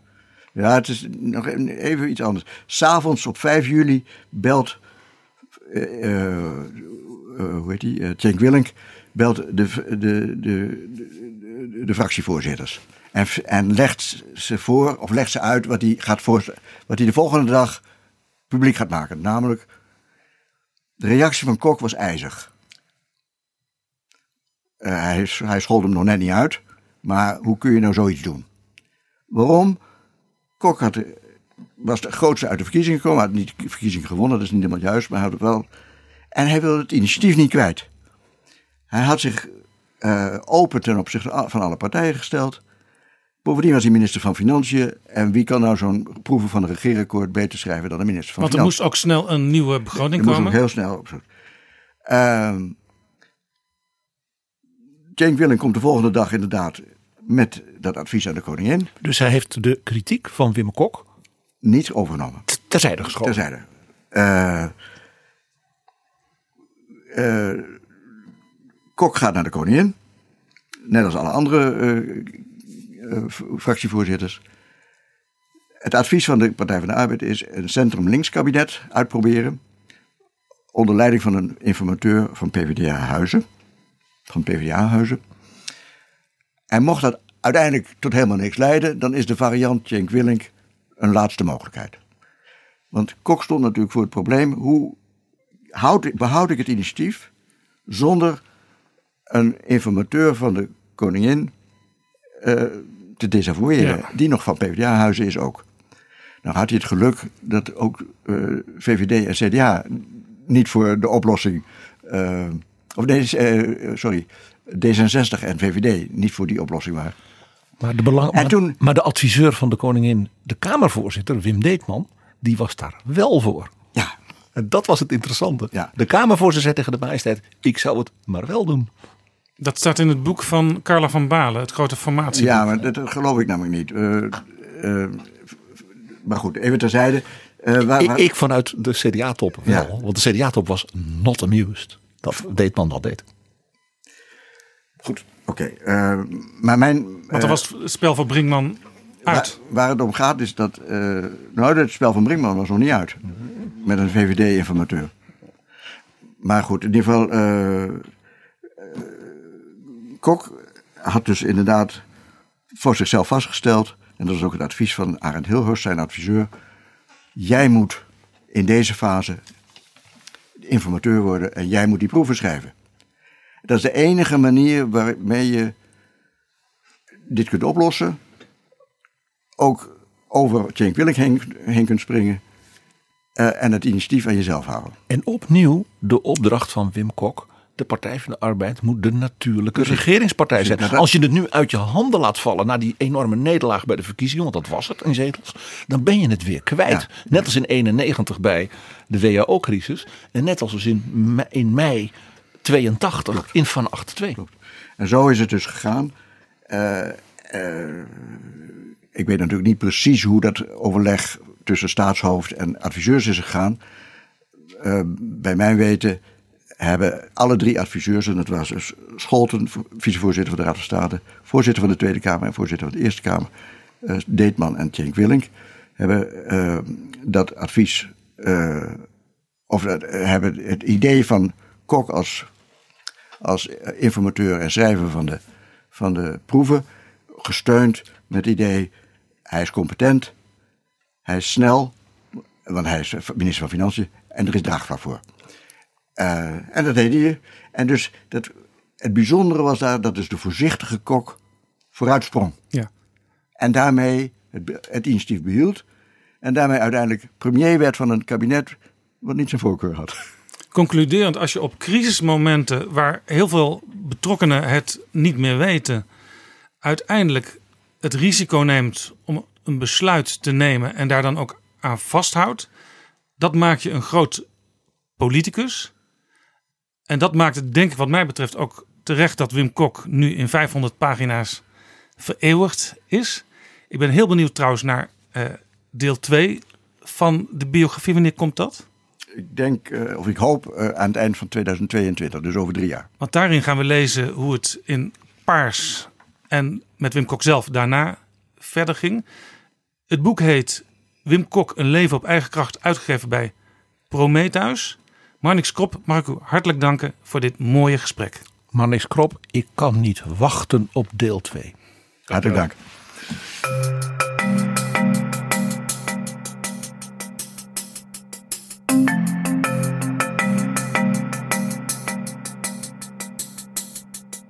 Zo, dit was Betrouwbare Bronnen, aflevering 64.